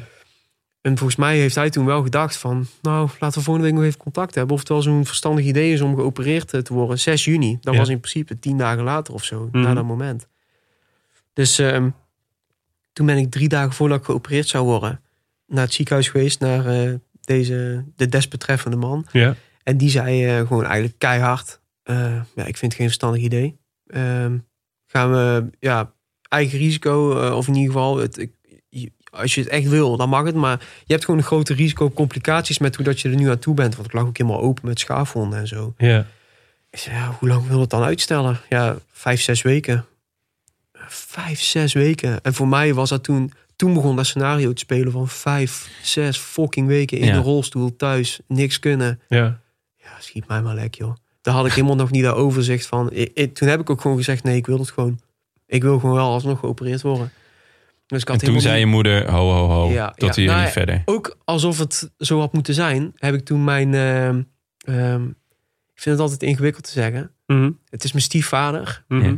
Maar dat klinkt zo oneerbiedig. Dus Ja. ik noem hem mijn bonusvader. Ja, Oké. Ja. Eh, hij, die, die is er altijd overal bij geweest, vroeger bij de jeugd en zo, Ja. met wedstrijdjes en zo. Maar die, heb ik toen, eh, die is toen mee geweest. En eigenlijk al die ziekenhuisbezoeken heb ik altijd gewoon zelf gedaan. Maar toen om de een of andere manier dacht ik, nou, neemt hem mee. Ja. En die is bijna kwaad geworden ook wel, of kwaad. Die, die vooral bezorgd, maar van, ja, wat denkt er wel niet, joh? Ja. Dat was nou vijf, zes weken. Ja, Ja. Ik, ik wil in oktober nog wedstrijden rijden. Dit, Ja. ja, het- ik had helemaal dat overzicht niet. Dus toen, weet je wel, zoals ouders zijn. Ze hebben vaak de waarheid in pacht, maar daar wil ik niet aan geloven. En toen heb ik, eh, moest ik binnen twee, drie uur laten weten of dat ik geopereerd ging worden, ja of nee. En eh, toen heb ik, nee, stel het maar uit. Ah, wel een goede keus. Ja, ja dus de- en dat was eigenlijk de moeilijkste dag van het jaar. Daar ben ik, eh, dat was echt een uh, vaatdoekje, joh. Ja. Ja. Ja. En uiteindelijk is het allemaal goed gekomen. Ja, ja, maar dat is natuurlijk, dat is natuurlijk heel fijn. Tot zover het legendarische verhaal. Sorry man. Ja, nee, ja, legendarisch verhaal.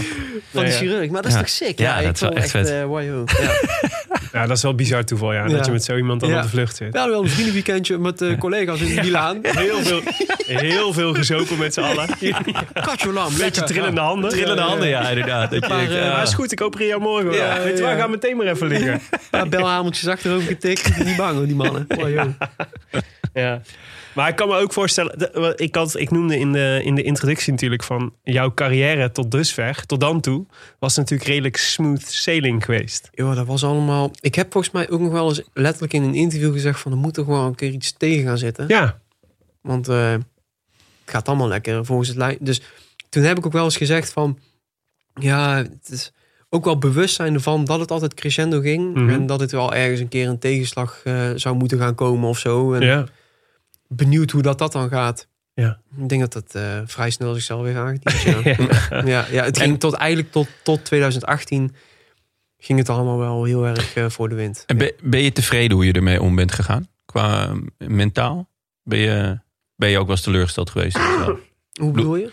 nou ja, kijk, als, als je, je bonusvader niet was geweest... had je misschien een onverantwoord risico genomen... omdat je op, op, een, op een slecht moment, op het moment dat het slecht gaat... een slechte keus maakt. Dat is natuurlijk geen... Mhm. Dat, dat kan gebeuren. Maar ik kan me voorstellen, eh, veel mensen komen zichzelf een beetje tegen als het zo lang. eh, eh, als je in zo'n lange revalidatieperiode. Natuurlijk, je hit een paar keer rock bottom. Maar je kan ook. Je kan ook eruit komen en, en heel veel leren. En denken van, oh ja, ik ben er een betere renner of een sterker. Ster, ik heb een st- sterker ra- karakter door gekregen bijvoorbeeld. Of ik heb er veel van geleerd. Ja, ik heb er in ieder geval heel veel van geleerd. Ja, ja, ja. Ook hoe belangrijk het is om, eigenlijk wat ik nu heel erg wel voel, om, want die periode van niet wielrenner voelen, heeft wel heel veel voldoening gegeven. Mhm. En me wel weer heel erg teruggeworpen op, ja, als dat fietsen er niet is, wat dan? Ja. Ja, dan, dan is het wel fijn dat er dingen overblijven. En in het monogame monnikenbestaan eh ga je heel veel dingen uitschakelen. Monomane. mo- mono- Monogaam. Sorry man. Ja, die belhamer is al halverwege. Nou ja, misschien ben je ook wel monogaam. Dat Ja, kan ja, natuurlijk. Ja, nee, zeker. Ja. Ja, ook wel inderdaad. Ehm monogame wielen bestaan. Ja, ga je al heel erg veel dingen uitschakelen, zeg maar. Ja. Dus ehm, ja, en dat, dat besef is toen wel Ja. gekomen. Dat het toch wel... eh, En, wat, en als je dat dan zou moeten omschrijven, wat bleef er dan over? toen ik... eh, ja? Toen het wielrennen er niet was? Familie, vrienden, muziek, eten, ehm, wandelen. Mhm. eh, en ik heb ook wel... ja, dat klinkt nou heel gauw, maar dat was al wel heel... Dat bevatte al best wel wel veel gelukkig. Ja. Ja. Kun je prima leven opbouwen. Ja. Ja, en er zit dan inderdaad geen studie verder bij of zo. Maar ehm, ja, als de periode langer was geweest, dan was dat er waarschijnlijk wel uit voortgekomen. Ja. Hey, wanneer, of wat was het moment dat je dacht, ik ben op de weg terug? Ehm, ja, dat is eigenlijk op de weg terug. Poh, ehm, ik ben eigenlijk die winter gewoon wel weer voor het eerst serieus echt goed gaan trainen. Dus eh, toen heb ik nog de transit gedaan met Lau. Oh ja, Oh ja, dat is ja, een ja, laatste koers in eh, Ja, Lombardije. Ja, Ja, ja, ja, En eh, ja, toen, Het klonk als een heerlijk... eh, dat was heerlijke echt, reis. Ja, dat was heel cool. Kijk, dat soort dingen heb ik allemaal ja tegen gezegd toen inderdaad. Dat was al een periode later, maar dat opende weer dat soort deuren. Dat was Mhm. echt super, super gaaf. En toen ben ik zelf op de fiets ook teruggegaan naar waar we vandaan kwamen. Mhm. Ja, en dat waren wel mijn eerste echt lange ritten weer op de fiets. Dat ik dacht van, eh, ik ben wel weer aan de slag. ja. Maar ook al dat je dacht... ja, want dat is volgens mij altijd het risico met die eh liesslagaderoperaties, toch? Is altijd, de, de vraag is altijd van, eh, lukt het? En kom je, Ja. kun je weer helemaal terugkomen op ja, niveau? Ja. Eh, Had je toen ook al het gevoel, ik kan, weer, ik kan weer het niveau aantikken... waar ik was op het moment dat ik dit nog niet had? Ja, ehm, nee, dat had ik toen niet. Mhm. Ik wist, eh, ik ben eigenlijk eh, heel lang onzeker. Soms ook nog steeds wel eens, maar gewoon heel lang onzeker geweest tot de eerste wedstrijden, hoe dat het zou gaan. En mijn eerste wedstrijden toen waren de Provence en de Haute-Var, volgens mij in februari. Mhm. En ehm, toen had ik wel, eh, toen was ik een finish op de Van Toe. Toen dacht ik van, nou, dat is helemaal niks. En twee weken later in de Haute-Var, toen reed ik wel weer top 10 op de Col. En toen dacht ik van, ja, dat is wel weer de weg is niet slecht. Dus heel, ja, heel, een beetje, ja, toch wel wisselend. Ja, Ja, als in van, het gaat gewoon met ups en downs. ja, ja. Ja. twee stap of eh, één stapje terug, twee vooruit zo. Ja. Soms twee terug. Ja, en in dat opzicht was het denk ik ook natuurlijk nog extra raar. Omdat natuurlijk dat gekke, die gekke coronatijd daar allemaal dus bij kwam. ja, lopen dan twee dingen daar door elkaar. Dan Ja. heb je dat eh, blessurejaar, eh, waarin ik toch wel, daar ben ik gewoon echt lang van de fiets af geweest. En daarna komt ook een coronajaar, waarin ik gewoon heel weinig wedstrijden heb gereden en een beetje in Tilburg thuis rondjes heb gefietst. Dus ja, dat zijn wel twee jaren die in ieder geval wel achterstand hebben opgeworpen. Ja, ja, ja. ja zo, zo kan je het zien. Maar ik bedoel, wat je net zei, want het heeft je ook heel veel gebracht. Fysiek, fysieke achterstand bedoel ik dan. Ja, ja. Ja, Ah, ook zeg maar ook fysieke achterstand die je nu nog steeds ervaart, dus. Mm, ehm, nou, als ik Marijn moet geloven, eh, wel. Ja, Ja. ja, ja. ja. Wat is, die- maar wat is dat dan? Is dat dan gewoon is dat dan een, stukje- basis die je ja, mist Een of stukje zo? basis, ja, blijkbaar. Ja. Ik vind het ook moeilijk. Ik kan daar nooit echt de vinger op leggen, maar ehm, ja, een stukje basis, verkeerd getraind. Eh, mezelf ook wel. ehm, nou, meer dan. Ik denk dat eh, fysiek heb ik nog, ondervind ik de meeste last van, eh, van die heupbreuk eigenlijk nu nog. Ja. Meer dan van die, eh, van die slagaderoperatie. Maar Mhm. dat is wel mentaal. Ik, ik merk wel, ik merk soms, het is wel een klein traumaatje misschien gewoon of zo. Ja, klein, of ja, ik ben er nog wel, eh ja, Maar wat nog dus wel eens mee bezig. maar is het in die, dat zin- je in die zin belemmert dat soms. maar dat je hem nog voelt of dat je bang Nee, bent nee, dat je valt? Ja, nee, nee, nee, dat ik bang ben. Eh, kijk, laat ik het zo zeggen. Kijk, als je je, je, als je, je, knie, je je knie stoot of je, je elleboog ligt open. Ja. Je kunt het gewoon zo goed zien. Je weet wat er aan de hand is. Je Ja. weet hoe het herstelt. Je weet wat je aan moet doen om dat niet terug te laten komen. Die slagader, ik, ik weet er helemaal niks van. Die hangt daar ergens binnenin. Daar is in ja. één keer opgekomen. Ja. Dat heeft voor fucking veel eh, ellende gezorgd, om het even zo te zeggen. En ja, ik hoop maar dat het weg blijft. Maar eh, Ja, het is En- mentaal natuurlijk. en eigenlijk is dan de klasse dat bijvoorbeeld eh Twannes, mijn maat, Ja. Antoine, die is ook geopereerd eraan. En die denkt veel minder na daarover. en die, eh, ja, opgelost, ciao. En Ja. eigenlijk is dat, daar kan ik best veel van leren. Dat dat gewoon, dat- ja, dat is wel een, op dat vlak soms wel een hele fijne manier. Maar het is moeilijk om uit te zetten. hè? Nou, ja, je hoofd uitzetten, dat is, eh, dat is la- makkelijk gezegd dan gedaan. Hij kan ook hem soms op sommige punten wel weer goed aanzetten. En dan ben ik er ook weer. Maar Ja, ja, ja. eh, nee, op dat vlak eh, ben ik dan best wel. Dat ik denk, ja, dat, zou- dat zou voor mij ook soms wel. eh, en dat lukt, dat lukt ook vaak echt wel goed. Maar zeker in de eerste wedstrijden weer na de blessure was ik, niet, eh, was ik daar niet helemaal vrij van, gewoon in mijn kop. Ja. En je zegt, ik voel fysiek nog wel wat van die heupbreuk. Waar, waar zit dat hem in? Ja, dat is gewoon echt een stukje stijver lijkt het wel. Ja? Dus eh, Ah, ja.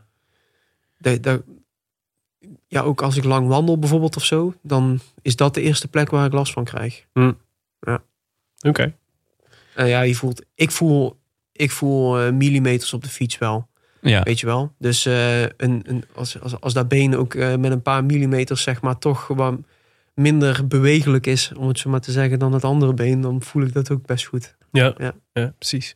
Hey, hoe eh, hoe eh, ehm, heb jij afgelopen jaar ervaren dan in die, in die context? Hè? Dus voor mij was het echt, na die, eh, we hadden het er eh, ter voorbespreking hier een beetje over. Het is natuurlijk ook zo'n beetje door die corona een beetje een soort twilight zone. Je kwam terug van een blessure en je komt dan, hè, je komt dan terug in het peloton en je begint dan weer wedstrijden te rijden en zo. Maar het is allemaal natuurlijk, het is nog, het is nog gewoon opbouw. Mhm. En, eh, maar het is, je bent daarmee wel veel minder aanwezig in het peloton dan dat je, dan dat je daarvoor was. Ja, Voor, hè, voor in ieder geval voor de, Ja, het- voor de neutrale kijker. Ja, ja, zeker. En dat, dat is ook zo inderdaad. Maar dat, ik denk dat het ook wel in verschillende dingen ligt. Dus Mhm. ehm, het is denk ik... Ten eerste denk ik dat gewoon het algehele niveau van... Als, je, als ik even 2018 pak Ja. en 2021... Het algehele niveau in de koers is wel omhoog gegaan. Ja. Dus er wordt gewoon echt harder gefietst. Ja. In de breedte ook. Dus het is veel moeilijker In om de- je, ja, om je te onderscheiden. in de breedte denk ik vooral. Ja. Dus eh, ja, is dat in drie jaar zo aan- denk, denk echt ik wel. aantoonbaar? Denk ik wel. Ja. dat er echt wel... eh, Nou, er zijn natuurlijk een, een, een, een aantal echt enorme kleppers bijgekomen.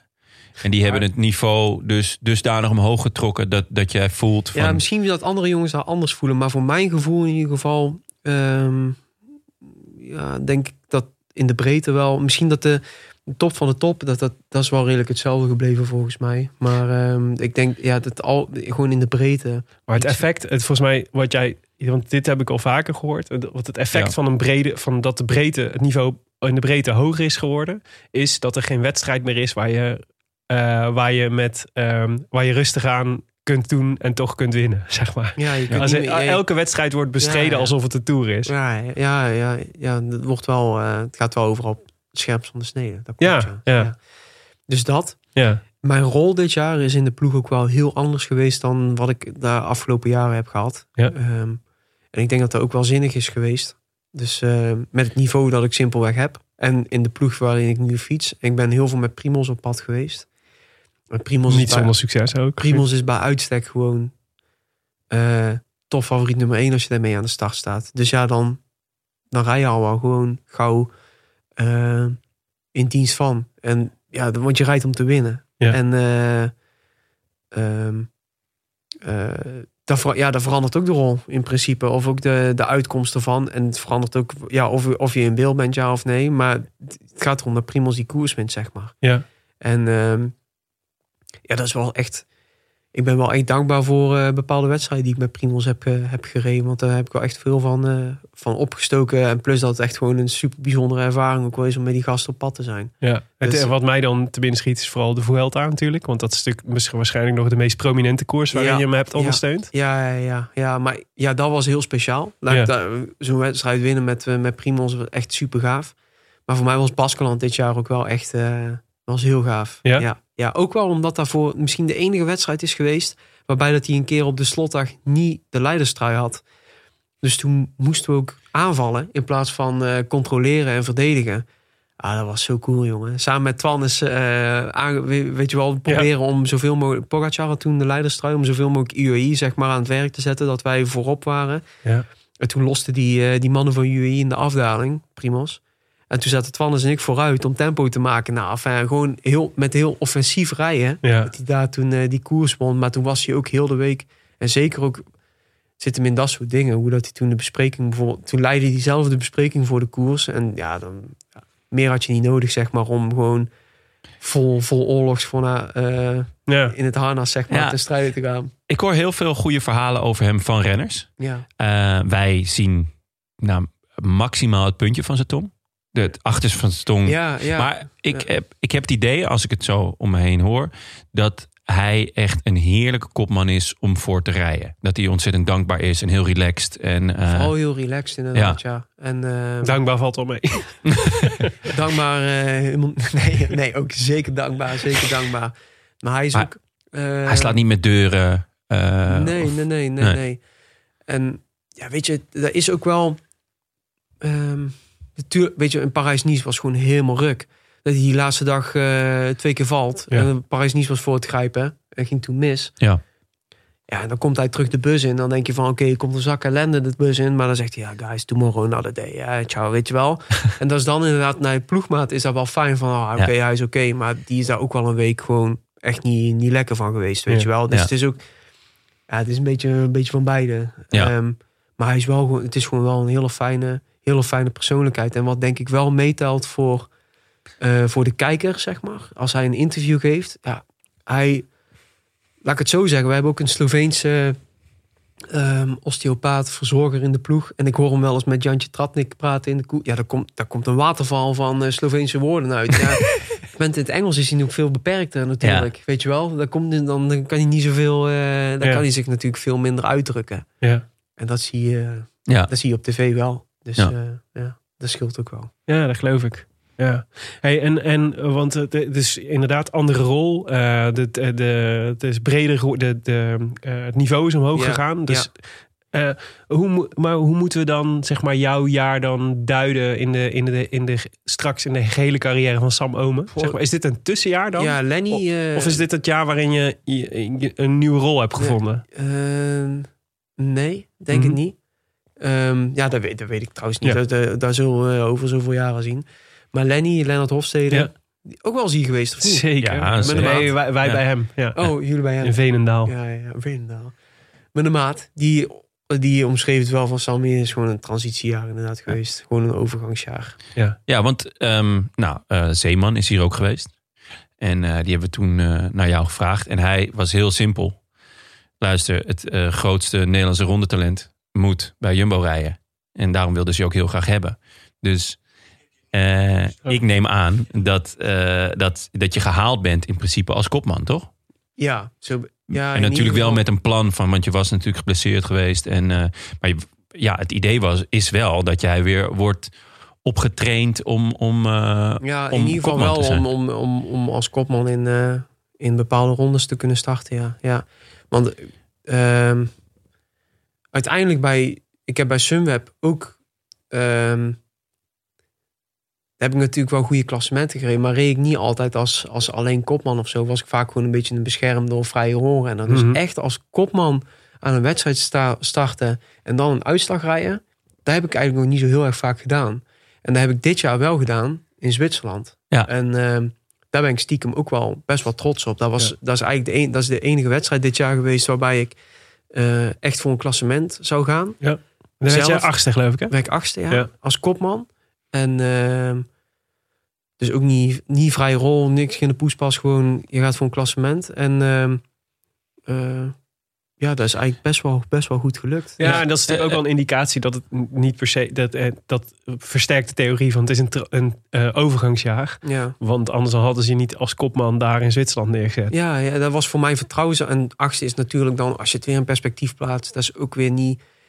Eh, om, het was om, een feestje, om een feestje voor Maar te bouwen. ik heb die top 10 gezien, eh, in de top 20, er waren geen koekenbakkers. waar Nee, nee, nee, zeker. Dus Ja. ik was ook echt, ik was een heel voldaan man toen ik thuis Ja. kwam. Ja, zeker. Ook om, vanwege de hele voorbereiding en het feit dat het ook gewoon, eh, dat was van, eh, ja, de één wedstrijd. Ik wist al heel lang op voorhand, dat was wel heel fijn, dat dat de wedstrijd ging zijn waarbij ik mijn kans ging krijgen. En Ja. het is gewoon best wel goed gelukt. Dus Ja. dat was wel heel fijn. Heb je je anders gedragen, ook toen? Want je zegt, ik was voor het eerst kopman. Eh, in de vorm, ja, je, je hebt natuurlijk gekeken naar hoe Primos dat doet. Mhm. eh, maar je hebt eh, ook Tom als, als Ja. kopman gehad. Daar heb je vast wat van opgestoken. Je hebt vast gedacht, oh, dat ga ik niet zo doen, dat ga ik wel zo doen. Eh, je zegt net, ik heb wel eens als beschermde renner of als vrijbuiter gezeten. Heb je toen... Ja, je moet, je moet ook op een bepaalde manier toch ook een soort kopman zijn, toch? Ja, ja, ja. En dat vind ik, heel, dat vind ik ergens heel ingewikkeld. Want ehm, het, die lessen die ik daar wel uit, heb geleerd is... ehm, de, het aura en de stresslevel dat jij als kopman tentoonspreidt... ja, daar voelen, daar voelen gasten om jou heen ook. En eigenlijk die bewustwording daarvan... ja, die is wel, eh, die is wel goed om te hebben. En misschien is dat stukje, eh, stukje daarvan bewustzijn... is wel... eh, anders, dat is dan die week wel anders dan in de andere wedstrijden. Ook omdat ik simpelweg dan minder stress natuurlijk heb. Maar ehm, Was je gestrest? ja, dat ging dus echt ook supergoed, man. Ja? Ja, daar ben ik echt heel, wel heel blij mee. Ja, ja, ja. Maar daar Dat je daar zat- gewoon aankomt, die druk. Ja, maar ook gewoon dat ik gewoon... eh, ja, het was gewoon een heel relaxte week. Ja. Ja. En ik had me misschien een beetje... Ik heb dat bij Sunweb af en toe lastiger gehad. Zeker toen ik toen top 10 reed in de Giro. Toen dacht ik van, nou ja, what's next? Ja. En ja, dat vond ik toen wel een beetje ingewikkeld af en toe dan... om eh, eh, als de Ja. man naar wedstrijden te gaan. Ja. En dan ook eh, met bepaalde criteria van... Een uh, kopman die moet wel eh, Ja. duidelijk aangeven hoe en wat. Ja, Ja, wat, en wat je ik- wil natuurlijk. Je, Ja, moet, je ja. moet ook, je en kan het niet. lastige is, ik weet vaak niet eens wat ik wil zelf. Ik wil gewoon lekker koersen. Ja, ja, en dan, eh, dan kom je een beetje op dat punt, zeg maar. En dat was in Zwitserland wel. En ook, dat vind ik ook wel te prijzen aan de ploeg. Ehm, dat ik, eh, ik had hele fijne ploegmaten daar. Gewoon jongens waarmee ik heel vertrouwd ben. En die eh, gewoon ook super, eh, super mooie, goede coureurs zijn. En die kon ik die kwetsbaarheid ook heel go- goed aangeven. En eigenlijk zat daar weer een soort kracht in. ja. Als, in, kwetsbaar- als in, je kon kwetsbaarheid- tegen hun gewoon zeggen, ja, ik weet het ook niet allemaal. Ja, precies. Help- help Ja, mij om ja, een ik wil lekker koersen. Ja, ik En, wil, eh, ja, ja, eigenlijk wel. Inderdaad, ja. Maar ja. het is wel, en dat vind ik dus heel interessant. Want dan, eigenlijk is, zeg, is dat dan, zeg maar, de ont, we hebben het vaak bij de Roland Tuig gehad over dat renners moeten leren winnen. Weet je wel? Dat, Mhm. het, dat, dat, dat dat een kunst is. Dat je, eh, Sommige renners leren dat een keer. En dan, dan zie je dat als ze het eenmaal het trucje kennen, dan weten ze hoe het moet. Maar dit gaat natuurlijk over het leren kopman worden. Ja. En wat ik wel fascinerend vind, jij hebt natuurlijk gewoon, eh, eh, ik denk dat Dumoulin en Roglic de, kop, de kopmannen zijn waarvoor je het vaakst zelf hebt gewerkt, waarschijnlijk. Nee, ik heb eigenlijk niet zo heel veel met Tom gekoerst. Nou, Roglic dan in ieder geval. Eigenlijk is Primoz ja, het meest recente. Dus die Ja. kunnen wel... eh, Als jij dan, kijk je dan ook bij in zo'n Vuelta bijvoorbeeld ook al met de blik, hoe doet hij dit eigenlijk? ja, ik kijk wel goed naar Primoz, ja. Ja. Ook omdat ik het gewoon als, als mens gewoon verder wel ook een fascinerende kerel vind. Maar Ja. ik kijk wel goed naar hem, ja. Ja. En aan los van wat je net beschreef over, weet je wel, dus eh, iemand die de rest van het team het vertrouwen geeft, met mij zit het wel goed. Die hoeft er mij niet druk te maken eigenlijk. Weet je, zelfs al val, of ga je op je plaat dan. eh, Ja, of in ieder geval, ja, dat. Maar in ieder geval gewoon, ehm, misschien voel je het wel. Eh, Oneerbiedig gezegd, belast, eh, belast je ploegmaten er dan niet mee, zeg maar. mhm. Dus misschien, eh, misschien zie ik ook wel bepaalde uitlatingen, ik denk het niet, maar bepaalde uitlatingen van Primos niet. eh, dat hij die eh, eventjes dropt bij iemand anders en niet in de bus waar alle renners bij zijn, bij wijze van. Maar Ja. ja, dat, dat, ja, dat straalt wel uit. Ja. Als, je dat zou de, als je dat wel zou doen. Ja. Wat zijn, wat zijn meer dingen waarvan jij denkt, daar moet ik, als ik echt zes, dus dat is natuurlijk onze droom, is natuurlijk, en misschien van jou ook wel, dat je op een gegeven moment ben je de kopman in de Tour. Hè? Van, de, van Nederlands trots Jumbo-Visma. Wat is er nog nodig voor jou, denk je, om, da- om dat, los van het niveau, hè, wat je, maar wat zou je nog, wat, waar denk je daar voor jou de ontwikkelpunten zitten, zeg maar, om te, om, wat Ja, moet je nog leren? Dat kan ik niet, dat kan ik niet beantwoorden van los van het niveau. Hmm. Dus het, voor mij valt of staat het wel met niveau in eerste instantie. Ja, En als ik, en daarop volgend, ik denk dat fysiek en mentaal dan wel hand in hand gaan. ja, Als ik voel dat ik fysiek echt mee kan doen, dan, ehm, dan is Lombardije 2017 een hele goede les geweest. Want als, je, als ik dan beter weet wat dat ik kan, ja, wat hopelijk dan genoeg is, dan, eh, en ik heb daar dan genoeg vertrouwen in, dan kun je iets, eh, dan kun je iets bewerkstelligen, denk ik. Ja. Ja. Maar als je, als je gewoon heel erg goed bent en eh, je hebt vervolgens niet het vertrouwen dat je daar ook echt, echt iets mee kan, of in ieder geval 100% uit je, uit je kwaliteiten haalt, ja. ja, dat, ik vind het ook een heel mooi voorbeeld. Dat bedoel ik in geen, geen zin eh, verkeerd of eh oneerbiedig. Maar Bouke is echt een fantastische renner wat dat betreft. Want ik, die rijdt denk ik qua waardes... eh, is nou een topcoureur. Maar dat is niet per se... ehm ja, Pogacar rijdt veel hogere waardes bij wijze van spreken. Mm, maar Niet de wint- allerbeste. Ja, maar Ja. hij wint wel Lombardije. Hij Ja. wint echt, als je dat palmares erop natrekt... omdat hij gewoon 100% weet wat dat hij kan... Ja. En ook gewoon vol vertrouwen in zichzelf is. ja. En Ben, ja, ben ja, je nu is nog te bescheiden? wel onzeker, denk ik. Onzeker. Ja, niet onzeker in ieder geval. Ja, ik, ben, ik merk wel dat door de. ehm daar had ik ook niet. Die, die onbevangenheid, zeg maar. Dat, eh, dat is wel een beetje af. Afgeraakt toen. Door de blessures. Ja, en eh, dat is af en toe wel weer teruggekomen dit jaar. En dat is echt super cool. het zijn niet echt wedstrijden die dat heel erg in beeld waren. Maar Frankfurt was bijvoorbeeld wel een goede wedstrijd daarvoor. Als vrije rol zijnde. En ook in San Sebastian. En eigenlijk ook wel een beetje Zwitserland. Dat ik gewoon mocht doen. En gewoon maar erin mocht knallen. En, eh, en zie het maar. En Ja. Ehm, die onbevangenheid die is, wel, eh, die is wel heel fijn om die te voelen. Maar die is, eh, die is wel ehm, iets minder geworden. Gewoon door die, door die knauw gekregen. knalharde teleurstellingen. En door, dat, door, door het over de streep komen en zeggen van... eh, en echt intern voelen van dit wil ik zo niet meer, weet je wel. Ja. Het, eh, ik heb gewoon echt geparkeerd gestaan en zo. En Ja. ja, ja, dat, ja, dat heeft wel... eh ja, dat laat wel sporen na. laat Dat snap wel ik. sporen na. Zo is, ja, dat is een goede verwoording, ja. Ja, ja. Oké. Hey, en ehm, eh, komend jaar. Als je nu nadenkt, hè, dus als we het dan hebben van eh, het is misschien eh, het jaar van de afgelopen jaar, het jaar van de transitie. Wat is eh, wat, wat wanneer als we elkaar volgend jaar zouden spreken, zeg maar, wanneer is het geslaagd voor jou geweest? Denk je welke welke stap is Mm. 2000 zou 2022 moeten zijn? Ehm, nou, ik hoop in ieder geval... ja, soort, gewoon de wedstrijden waar ik mijn kans krijg... dat Mhm. ik die gewoon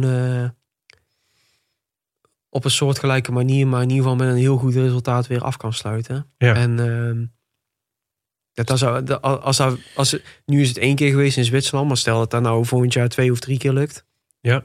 Ehm, En dat zijn koers van een week waar we dan aan denken? bijvoorbeeld... Dus ja, of maar ik weet- Tirreno ik of Parijs-Nice. Ja, ik weet zelf ook Ja. helemaal nog niet wat ik Nee. rijd. Dus dat zou ik niet... eh, maar dat zou best een logische... Of Baskeland of Catalonië. Weet je Ja, wel, een van die vier Ja. zou best logisch zijn natuurlijk. Ja. En dan eh Romandie of eh, Zwitserland of eh, de Dauphiné natuurlijk. Hij belt Jonne maakt het, eh, Jonne maakt het programma wel. Geen Ik maar dat- zijn nummer zo wel. Ja.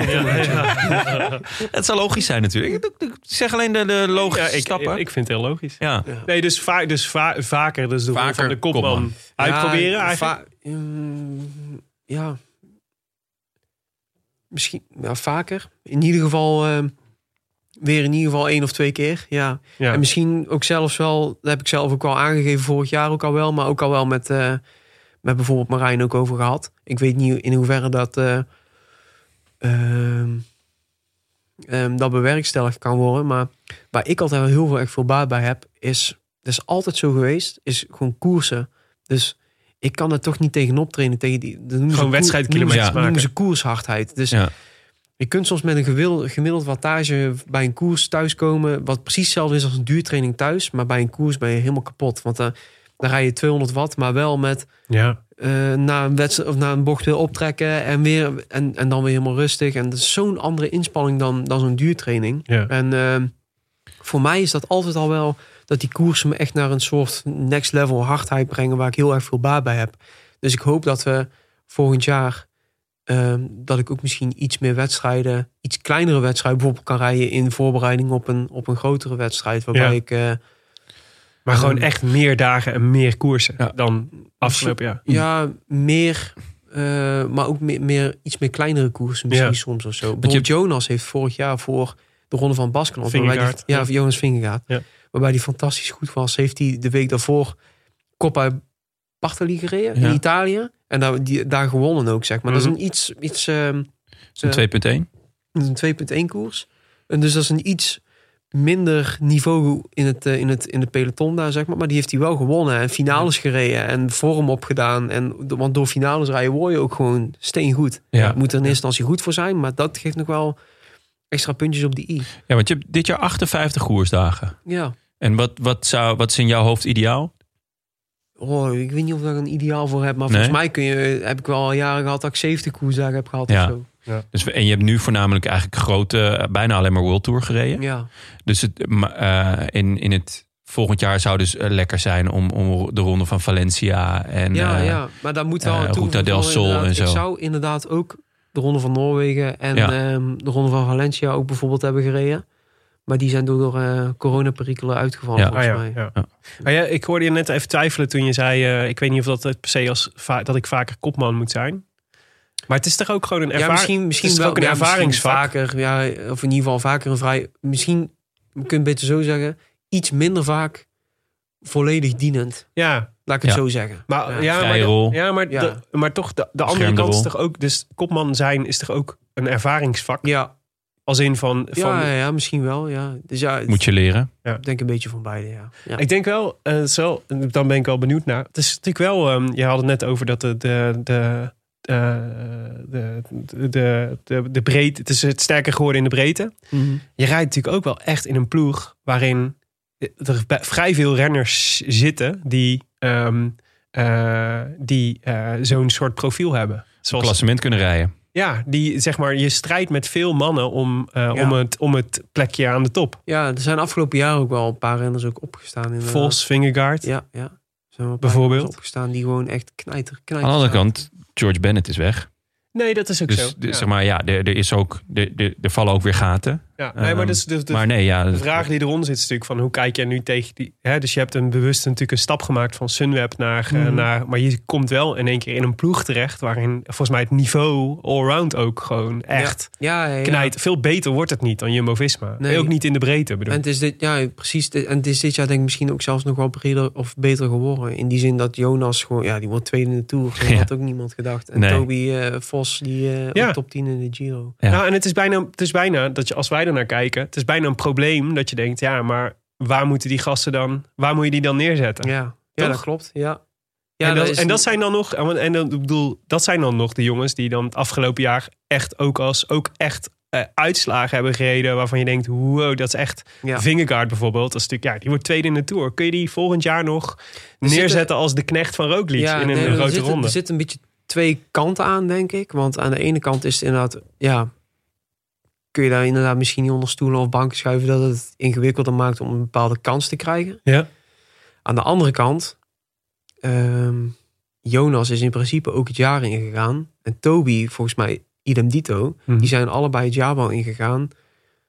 Van ja, we krijgen af en toe onze kans. Maar Ja. eigenlijk een beetje hetzelfde als, eh, als ik afgelopen jaar. Ja. Ehm, maar we rijden vooral in dienst van George in de Giro en Primoz in de Tour. Ja. En Ja. Ehm, ze hebben daar gewoon zelf afgedwongen met hun benen. Dat ze gewoon fantastisch goed waren. Ja. En misschien dat er voor Jonas anders was gelopen ehm, als Primoz niet was gevallen in de Tour. Dat hij geen tweede was geworden. Maar dan was hij alsnog gewoon, had hij alsnog top 10 gereden. Want hij was gewoon verschrikkelijk goed. En die heeft het gewoon met zijn benen al wel in dat seizoen zodanig afgedwongen. Ja. En dat hij ook gewoon die kopmanrol zeg maar opeist voor bepaalde wedstrijden. Dus met andere woorden, als je gewoon als je die benen hebt, Dan kom je dan bovendrijven. komt de bovendrijven. Ja. Ja. zo werkt het natuurlijk ook. Ja. En dat geldt dus voor jou ook. Ja, Ja, alleen wat mijn ervaring tot nu toe zeg maar is, als je het verschil ziet, maar, zie- zeg maar, ziet tussen mij en Jonas bijvoorbeeld. Ik heb samen met een Baskeland gereden. Mhm. Als ik dat als voorbeeld neem, dan, ehm, mm, dan zijn we die wedstrijd zeg maar aan het begin. Primoz had de leiderstruit toen de eerste paar dagen. Dus dan moet je de vroege vlucht gaan controleren. Jij. Ja, wij als Oh, ploeg ja, zijn. oh, ja, dus ja, dat de juiste mannen zeg maar in de vroege, vroege vlucht zitten. En, Ja. Geen taken van de hoorn. en wij geleerd. Ja. Ja. En dan, eh, ja, dan zijn er wel dagen dat je gewoon twee uur eh, lang aan het springen bent. En echt gewoon geweldig hoog wattage gemiddeld hebt gereden over de eerste twee uur in de wedstrijd. Dat kan soms echt helemaal, helemaal gek zijn. En ehm, ook zo ook een bepaalde dag in, de, in, de, in Baskeland. Waarbij, ja. bij mij, en Antoine was er volgens mij ook. Ja, wij zijn dan nog wel goed in de finale. Maar bij- mij in ieder geval was dan kantje boord van of ik met de beste 2025 nog in de finale zeg maar mee kon. Dat Ja. was dan vaak net niet. Maar Jonas was gewoon nog wel goed genoeg om, om alsnog in de finale mee te zijn. Ja. En ik, ik leid, ja, ik ben dan niet nog, ik ben op, in ieder geval dan niet goed genoeg Ja. om, eh, om ook in de finales nog mee te zijn als ik al in de eerste twee uur zo'n jas heb uitgedaan. Ja. Dus eh, ja, hopelijk groeit daar nog. Of, of ja, weet je, en als de rol anders is, dan is het ook weer eh, anders spreken. Ja, zwaar. Ja? Ja, Nee, ja, ik, eh, ik heb geen vervolgvraag in deze. Het is, het is, mij, het is mij duidelijk, ja. Ja, nee, ja, het, is, het, het, lijkt me, het lijkt me fantastisch namelijk om in zo'n zo'n zo'n ontzettend goede ploeg te rijden. Maar het lijkt me ook, het lijkt me, nou, ik vind bijvoorbeeld eh eh, Anton Tolhoek vind ik een goed voorbeeld, zeg maar. Dus die, die, ehm, die maakt nu zeg maar een move naar buiten toe. Zeg, Die gaat naar trek. Mhm. Eh, en dat snap ik ook heel goed. Ja, vanuit, Want- vanuit zijn profiel zeker. Ja, want, je, want precies, want wat, waar, waar, is het, eh, waar blijft het perspectief voor zo'n renner, zeg Ja. maar, als de top in zo'n ploeg al zo breed Ja. is? Dus Ja, waar, ja, waar ja. krijgt hij het moment om dan Ja, Antoine door heeft ook, een andere, heeft ook een andere ambitie. Dus Ja. Twannes heeft echt de ambitie opgevat om, eh om, om rittenkaper te worden in, in rondes. Ja. Ja. Dus grote, twee, die wil eigenlijk gewoon twee grote rondes op een jaar rijden. En ehm, sorry als ik het verkeerd, zeg- verkeerd zeg, Twannes. Maar volgens mij wilde hij twee rondes op een Ja. jaar rijden. En dan eigenlijk gewoon in die rondes niet te veel met een kopman van doen hebben. Maar gewoon voor ritzegens gaan. ja, dan ben je bij Jumbo niet het juiste Nee, dan wordt precies, het al ja. heel gauw ingewikkeld. Maar ja, wat dat betreft ben je natuurlijk een andere renner met andere ambities. eh, een, een ander profiel. Het Ja. is gewoon echt het, het kopmannenprofiel. Ja. En ja, eh, volgens mij het vertrouwen van, van, eh, van Zeeman, in ieder geval toen hij hier zat, was, eh, was enorm. Dus wat dat betreft zit Nou hij ja, gewoon- ik denk, het, ge- gek genoeg denk ik dat je wel echt een enorm... Maar dat, is- dat is dan de blik. Ik weet niet of dat dat telt. Maar ik denk echt dat het heel erg helpt dat je ook Nederlander bent. Dus wat Zeeman zei over de, het grootste Nederlandse rondetalent... hoort gewoon bij Lotto Jumbo te rijden. Ja. Eh, Ja. Of Jumbo-Visma, sorry. Eh, net zoals dat eh, Tom Dumoulin, de, de Mm. grootste rondrenner die Nederland heeft... bij Ja, Jumbo-Visma moet rijden. Dat is natuurlijk... Ja, Ja, maar totdat het over het, over het winnen van de Tour ging... toen was eh, Zeeman heel duidelijk. Of we het, of het met een Sloveen doen of eh, met een Nederland... interesseert me geen hol. Ja. We gaan die Tour Ja, maar dat Dus snap ik. Dat snap ik wel. Maar als het erover gaat van wel, wie, hè, dus je hebt maar een beperkt aantal plekken waar je mensen, of be- beperkt aantal paden dat je kunt uitstippelen, zeg maar voor Ja. grote talenten om een, om een plek om, eh, om te laten zien, ik ben een niveau hoger weer waard, zeg maar. En daar denk ik wel, daar heb je wel ten opzichte van Vingegaard of een Vos, heb je natuurlijk gewoon een voordeel dat je gewoon Nederlands jongen bent. In een En dat Jumbo-Visma er baat bij heeft dat er gewoon eh Nederlandse Ja. gasten eh, doorstromen.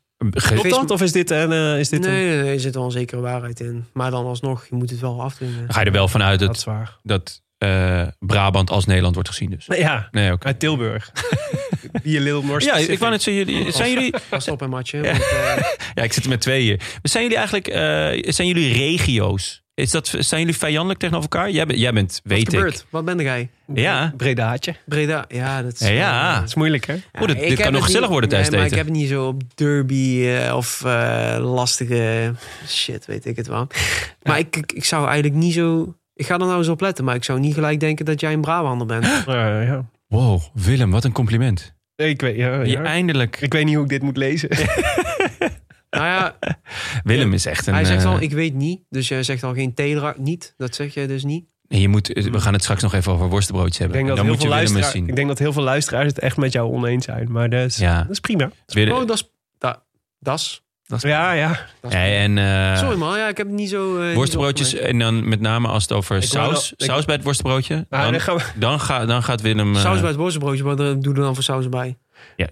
Sam, dit is, dit- Geen, Geen. geen. Ja, dat wou ik zeggen. Wat doe, daarom, wat doe er nou voor saus erbij? Ja, nee, ja, goed. Dat, dat, Zag je de Het worstenbroodje is af, toch? Ja. Ja. Ja, nee, dat, precies. Dus dat, goed dat- Brabants worstenbroodje hebt verder helemaal niks nodig. nee, Nou ja, dat- nou. nou ja, dan, nu weet ik dat, dat ik met twee echte Brabanters op tafel zit.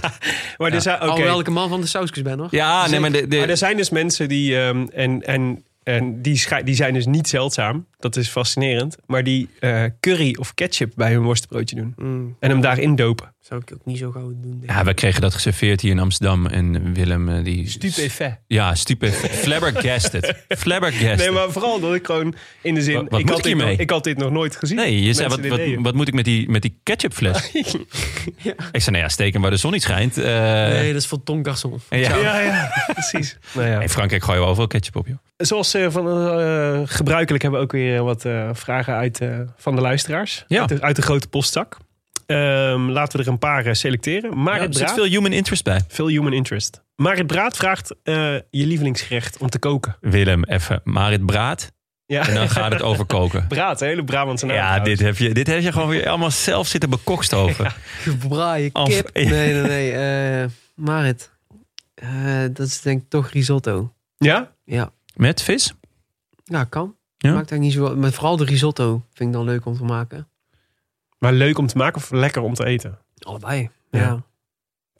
Ja, want dat is de vraag Vind ik een van heel fijn eh, rustgevend proces bijna of zo. Eh, soepie maken.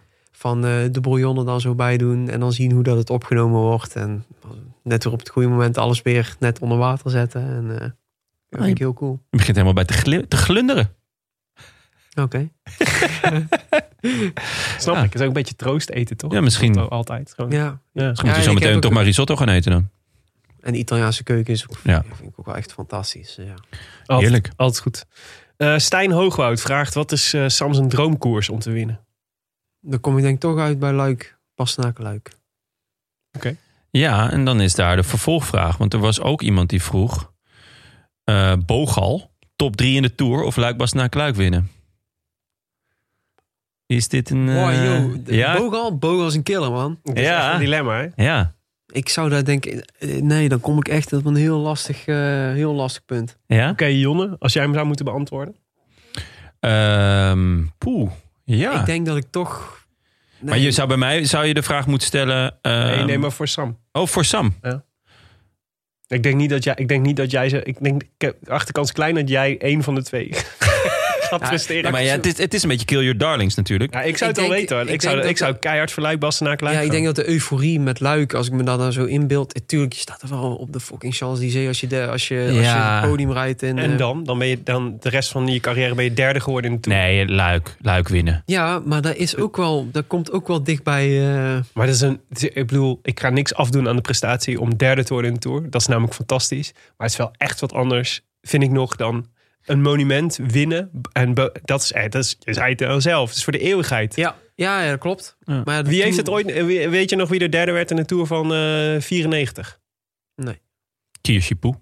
Nee. Waarschijnlijk Kirsipoe, ja, ja, denk ik ook. Nee, Nee, ik zou echt voor uh, Lijkbas naar Kluik gaan.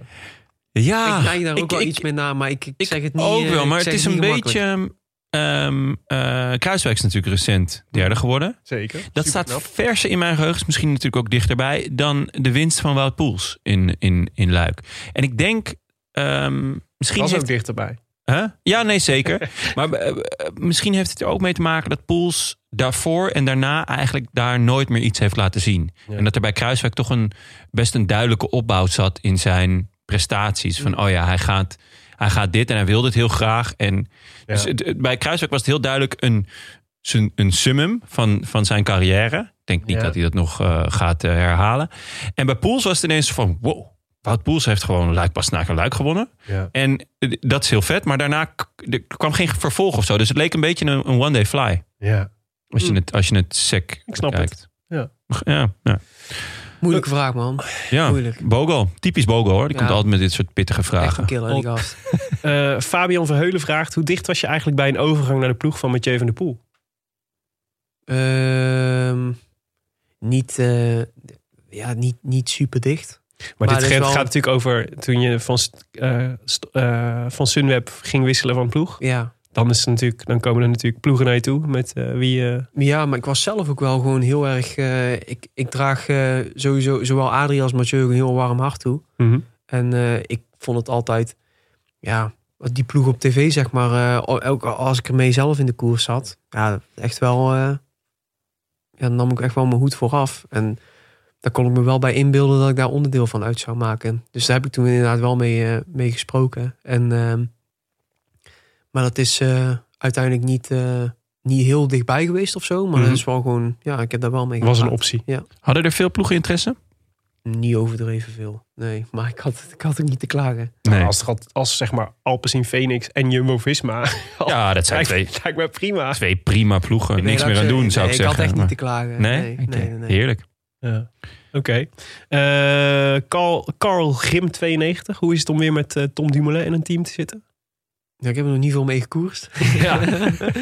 Ehm, Ja, allebei een beetje dezel- rond dezelfde tijd een beetje kwakkel, eh, kwakkeltjes. nou, in ieder geval 2000, ja, in 2019 zeker. Toen hebben we nog echt als, eh, heb ik echt, ben ik echt als, eh, toen, toen Jumbo-Visma toen de ploegentijdrit won in Brussel. ja. Toen zaten we allebei als zielepietjes op de bank bij hem thuis te Ah. kijken. Weet ik nog wel. Ja, Oh, Ah. ja, ja, ja. ja, ja.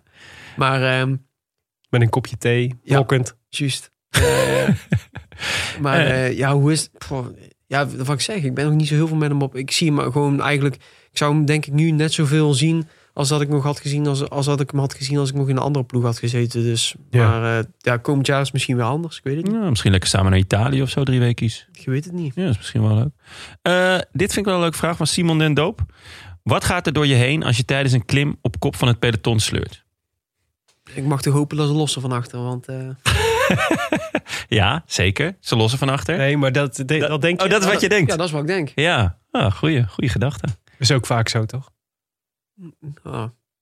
Ja, dat weet ik eigenlijk niet. Nou. Arne Vuelta heb je toch wel een paar keer gezien. af en toe. Ja, Ja. ja. ja. Werd er goed gelost. Ja. Mark de Graaf, wie zijn je beste vrienden en je grootste vijanden in het peloton? Ja, zijn, kijk, de Rode Lantaarn is altijd op zoek naar een nieuwe aardsvijand. Wajo. Ja. We hebben, we hebben onlangs Johnny Vermeers kunnen toevoegen aan het... eh, ja volgens, mij, volgens mij alle Johnnies. alle, Johnny, Alle Johnnies in het... alle eh, Johnny's kun je sowieso... eh, Nou, wat ik wel probeer, is eh natuurlijk hebben we wel eens een, eh, een flinke... Nou, ik schrik er soms wel eens van hoe... eh, je bent op de fiets, in ieder geval als ik voor mezelf spreek... dan gooi ik scheldwoorden uit en ik ga tekeer zoals ik echt nooit zou doen in het normale dagelijks leven. Ja, ja. Wauw. ben ik echt next level red devil hoor. Ja? Ja, zeker. Next level Red Devil. Oké. Eh, maar, Ook een leuke bijnaam. maar ik zoek altijd wel gelijk... eh, make friends with your enemies daarna. Ja? Ik, ja, ik, ik, nee, ik vind er helemaal niks man. Om echt vijanden te hebben of, eh, of wat dan ook. Nee. Dus eh, ik, ik zou echt geen vijand Nee, maar na afloop eventjes eh, een handje... Probeer ik altijd wel te doen. Ja? Even opzoeken. Want Ja. in Kroatië, ik ik heb de ronde van Kroatië ook gereden. Dat was gek in huis, jongen. Dat was gek in huis in die massasprints. Echt duwen, trekken. Dat was... Holy shit. Je was daar met kooi? Ja. Ja? ja. En uh, ook, toch? nee, Of was die daar niet meer? Nee, Oh nee. Maar toen heb ik wel echt een paar keer... Ja, wie was het? Een of andere Sloveen of Macedoniër. eh Roglic. nee. Primos, eh, what, what the fuck? Prima. What, ma- what make you my now? What make you me? nee, nee, nee. Maar wel eh, een beetje in die taal.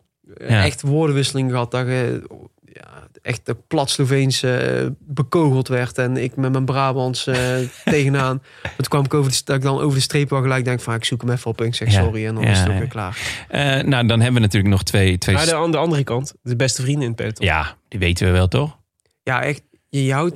Na je wielercarrière zeggen ze wel eens niet zo heel erg veel vrienden echt ook. Maar ik weet wel dat met Lenny en, en Twan, Mhm. Antoine, dat zou wel echt... en dan vergeet ik er nog wel een paar. ja. Zou ik er nog wel een paar bij kunnen noemen. Maar dat zijn echt eh, hele goede vrienden. Het is toch een beetje de heilige drie-eenheid. Ja, zo, zo mag je het zeker noemen. ja. Vind je het dan ook eh, lastig dat eh, Tolhoek nu naar een andere ploeg gaat? Nee. Ja, wel. ehm, we hebben ook bijvoorbeeld Baskeland met z'n drieën gereden. Dat is echt heel erg leuk. Ja. Ja, dat is echt leuk. En daar, ja, tijdens die momenten, als ik dan dat aanhaal, dan vind ik wel jammer dat dat niet meer eh, niet gaat gebeuren. In ieder geval de eerstkomende jaren. Nee, Huh? hooguit tegen elkaar. Ja, Ja, die kans is nog best aanwezig dat jij ja. straks Ja, ja. achter rittenkaper Tolhoek aan moet. zou zomaar kunnen. Ga je dat dan doen? Ja, Als jij krijgt in je Ja, oortje... zeker en hard ook. joh. Ga, ga maar halen, Twannes. gaat nergens heen. Aan de ketting. Gaat hem halen. Keihard. Ja. Keihard. Nog even dan onze, onze gebruikelijke vijanden. Mhm. Eh, we vragen altijd, eh, eh, wat is het eerste dat Valverde tegen je zei? Ka- Ke? Cabron. Cabron? Oké. Eh, nee, nee, nee. Van nee? Verder heeft nooit... eh, Nee, nog nooit iets tegen je heb gezegd? weinig eh, woorden Oké. wissel- gewisseld met... En dan, eh, we hebben natuurlijk sinds eh Ide Schelling hebben we de wielerfluisteraar. Hugh Carthy. Hugh Carty. Hugh Carty heeft in, in een koers heeft hij meerdere dingen gefluisterd tegen Ide Schelling. Eh, ja, dat, dat viel ons. Ja, dat, dat vonden wij ook buitengewoon opvallend. Ja. Een vond het zelf. vorm van intimidatie. Ja, Ide vond het zelf ongemakkelijk. Ja, ongemakkelijk, ja. En eh, ik vraag me, heeft Hugh Carty wel eens iets tegen jou gefluisterd? Ja, ja. Hey Sam. Hey. Bloody red fucking bastard. Zou ik een boterham Zou ik een boterham Eh, Nee, maar dat is wel een opmerkelijke kerel. Hugh. Hugh Ik ken hem niet, maar opmerkelijk. Ja, Ja. Op, opmerkelijk. opmerkelijk. Ja. Markant zou je in Brabant zeggen. Zeker. Eh, Plakzak vraagt, hoe kijk jij aan tegen het gedoe bij DSM nu? Plakzak. Plakzak. eh, Moeilijke vragen. Plakzak trouwens wel op zijn Frans geschreven. dus Plakzak. met een Ja. Q en een C. hoe kijk je daar tegenaan? Ja. Ehm, Vraag 1 is natuurlijk, verbaast het je wat daar nu gebeurt? ik vind het ten eerste moeilijk om hierover te praten. Snap ik. Ik, eh, dit beeld ik mij in, dus ik ga plakzak niks in de mond leggen. Maar ik heb het gevoel dat ik wel uitgelokt word om een soort van plakzakkerige reactie te geven. Ja. Maar ik krijg deze vraag natuurlijk heel vaak. Ja. Dus eh, sorry plakzak. Maar eh, dat vind ik moeilijk om op te antwoorden. Omdat ik echt verre van een soort trap na wil geven. Of zo. Ik, ik- ze komen nu gewoon echt niet fijn in het nieuws. En tuurlijk, er bestaat ook zoiets als Radio Peloton. Dus ik hoor ook echt al het een en ander van wat dat er gaande is. En die perikelen rondom Ilan en met Tieske nou en zo. Ik kan alleen maar zeggen... mm, dat ik het voor die jongens... En zeker, we hebben, we hebben het voor de uitzending nog even over Ties gehad. Ja. Dat mag ik ook gewoon heel erg graag. Ik vind het vooral voor hem... eh, ik kan me misschien... Ik hoor natuurlijk één kant van het verhaal. Dus even afgaan op gewoon Ties zijn verhaal. Ja. Ehm, ja, ik kan me er gewoon heel erg goed in verplaatsen dan, zeg maar. Als het zo is zoals dat hij vertelt, dat, eh, zoals, zoals, dat, zoals dat naar voren komt, hoe, wat dat ze meemaken. Ja, dan eh, is- krijg ik een soort... eh, ja, dat kan ik gewoon heel goed voelen. Dat vind ik echt plaatsvervangend super vervelend. Maar tegelijkertijd daardoor gewoon wel...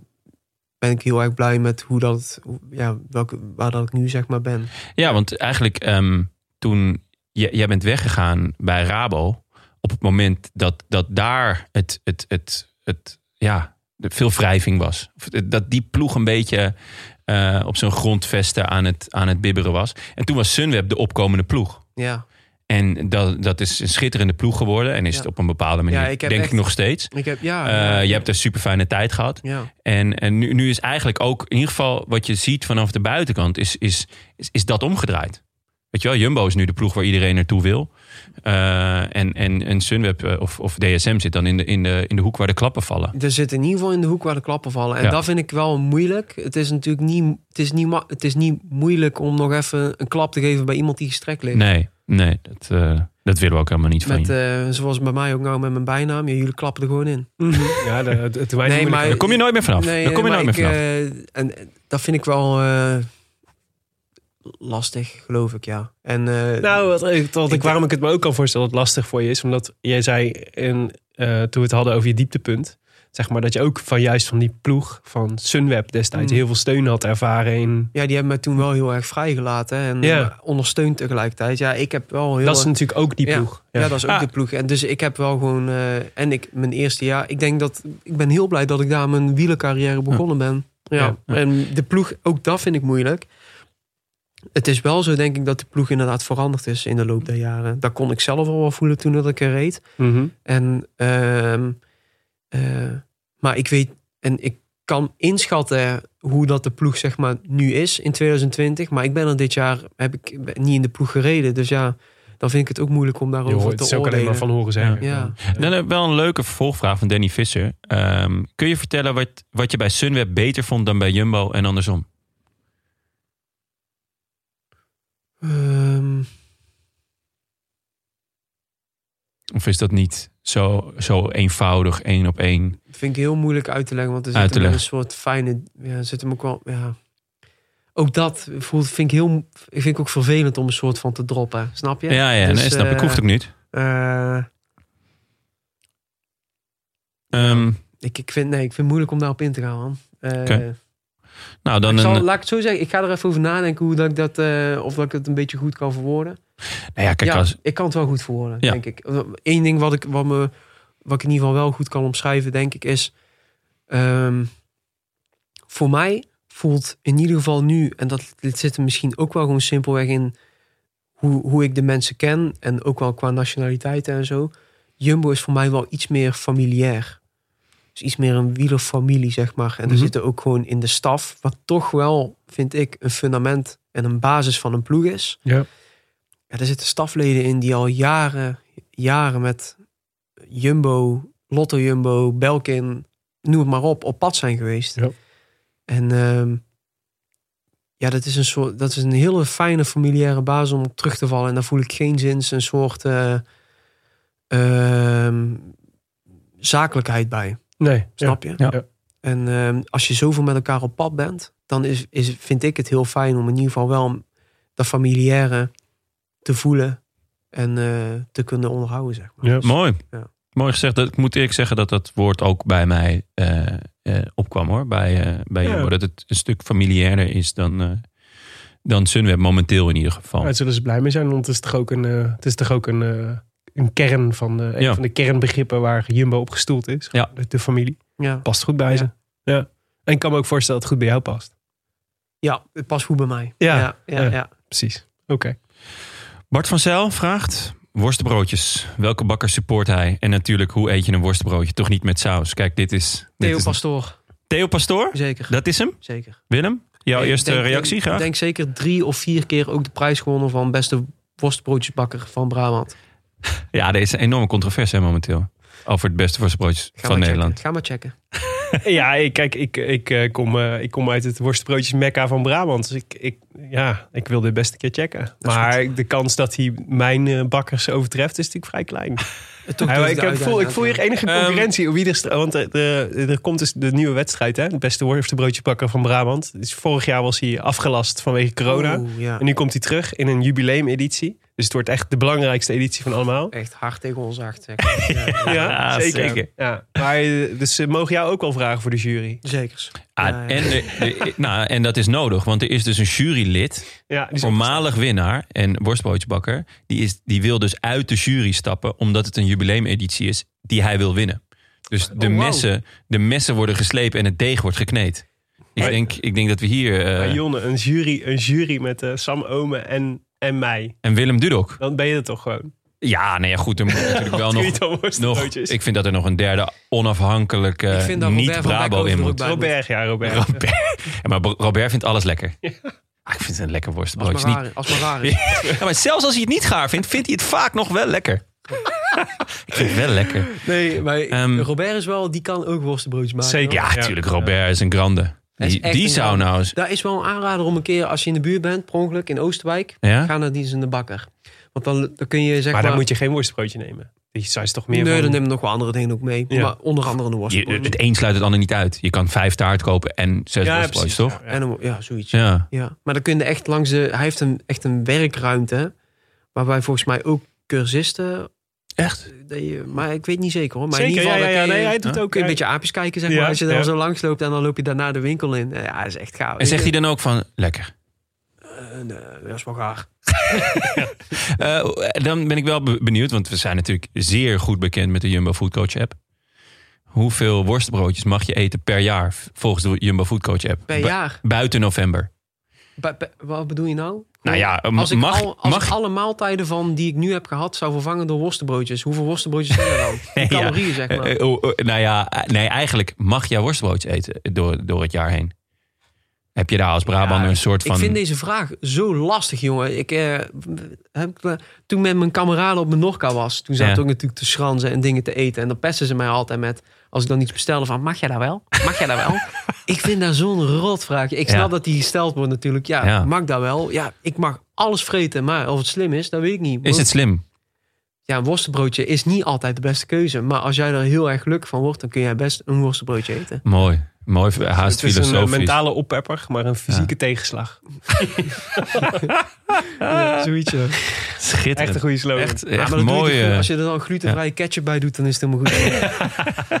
Heel goed. Oké, laatste vraag. Tidi Jan 85. Of je nog veel piano hebt gespeeld in de afgelopen jaren? Eh, afgelopen jaren wel.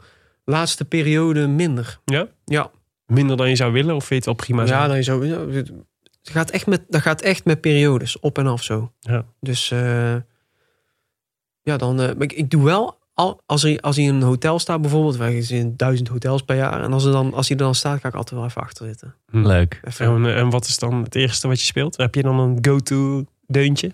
Chopin. Toch niet Amelie, hè, hoop ik. eh, Chopin gewoon. après-midi. Wat is dat? Nee, nee, nee, dat is niet waar trouwens. Eh goh, waar speel ik dan? Eh, een van mijn all- all-time favorite... Dat is echt een project geweest in mijn leven. In Your Atmosphere van John Mayer. Ja. Ja, dat is, toen ik dat nummer hoorde, heb je wel... Zo'n moment in je leven heb je toch, hè? Ja. Wel eens. Dat je een nummer hoort en denkt, ja, dat is de mijne. Die heeft hij voor mij geschreven. In Your Atmosphere. ja, en misschien John dat hij helemaal niet aanslaat bij wie dan ook. Maar in ieder geval, bij mij was het toen echt helemaal raak. En ik heb die me helemaal toegeëigend. Dus ik heb hem uit mijn hoofd geleerd. Elk, ik heb opgezocht waar dat hij nou precies over zingt. Ik heb hem op gitaar geleerd en op piano. Dus dat is gewoon voor mij. Dus daar ga je, dat is dan Die automatisch. komt eigenlijk automatisch altijd, ja. Lekker. Mooi. Zal ik hem eh, aan het eind van de hem maar, podcast? zet hem maar even achter. Een stukje. Is goed. Meten mensen waar we het over hebben. Lekker. Heel goed.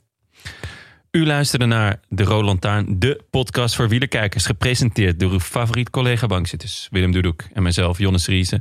Veel dank aan onze sponsoren Duracell. Gewoon blijven gaan. Fiets van de show, hashtag Canyon. En natuurlijk auto.nl voor de kartje Lara. Dan kunnen ze ook wel wat Duracell gebruiken. En last but not least, Sammeke Boterhamke. Ome, hoe vond je het jongen? Boy. Het is je boy, Ton Garçon. Ton garçon. Hoe vond je het? Je boy, dat is dan beter voor mij, toch? Ja, je boy. Maar, nee, nee, maar uh, Ties is al mijn boy. Ja, sorry. Oh ja? Dat is al, ja, Ties. Ja, dan moeten we daar niet aankomen. Nee, ik heb Ties ooit eh, voorspeld bij de voorspelbokaal als mijn boy Ties. En ja, sindsdien is dat mijn boy. Maar boy. Ja. Vond je het leuk? Yeah, boy. Ja, het, Super, super leuk, man. Ik moet ook wel zeggen, ja, sorry Willem, maar ik ben ook stiekem wel een beetje fan van Ton Garçon. Ja, nou, Daar had ik, ik, al. ik ook. Waarom is het, waarom, moet je je hoeft niet te excuseren naar mij. Ja, omdat ik niet zeg dat ik fan Dat zijn ben wij van jou. allemaal. Oh ja. Snap je? Maar ehm, ik, dat was toen, ik weet, 30 juni 2019. toen eh, had ik die podcast bij Lau.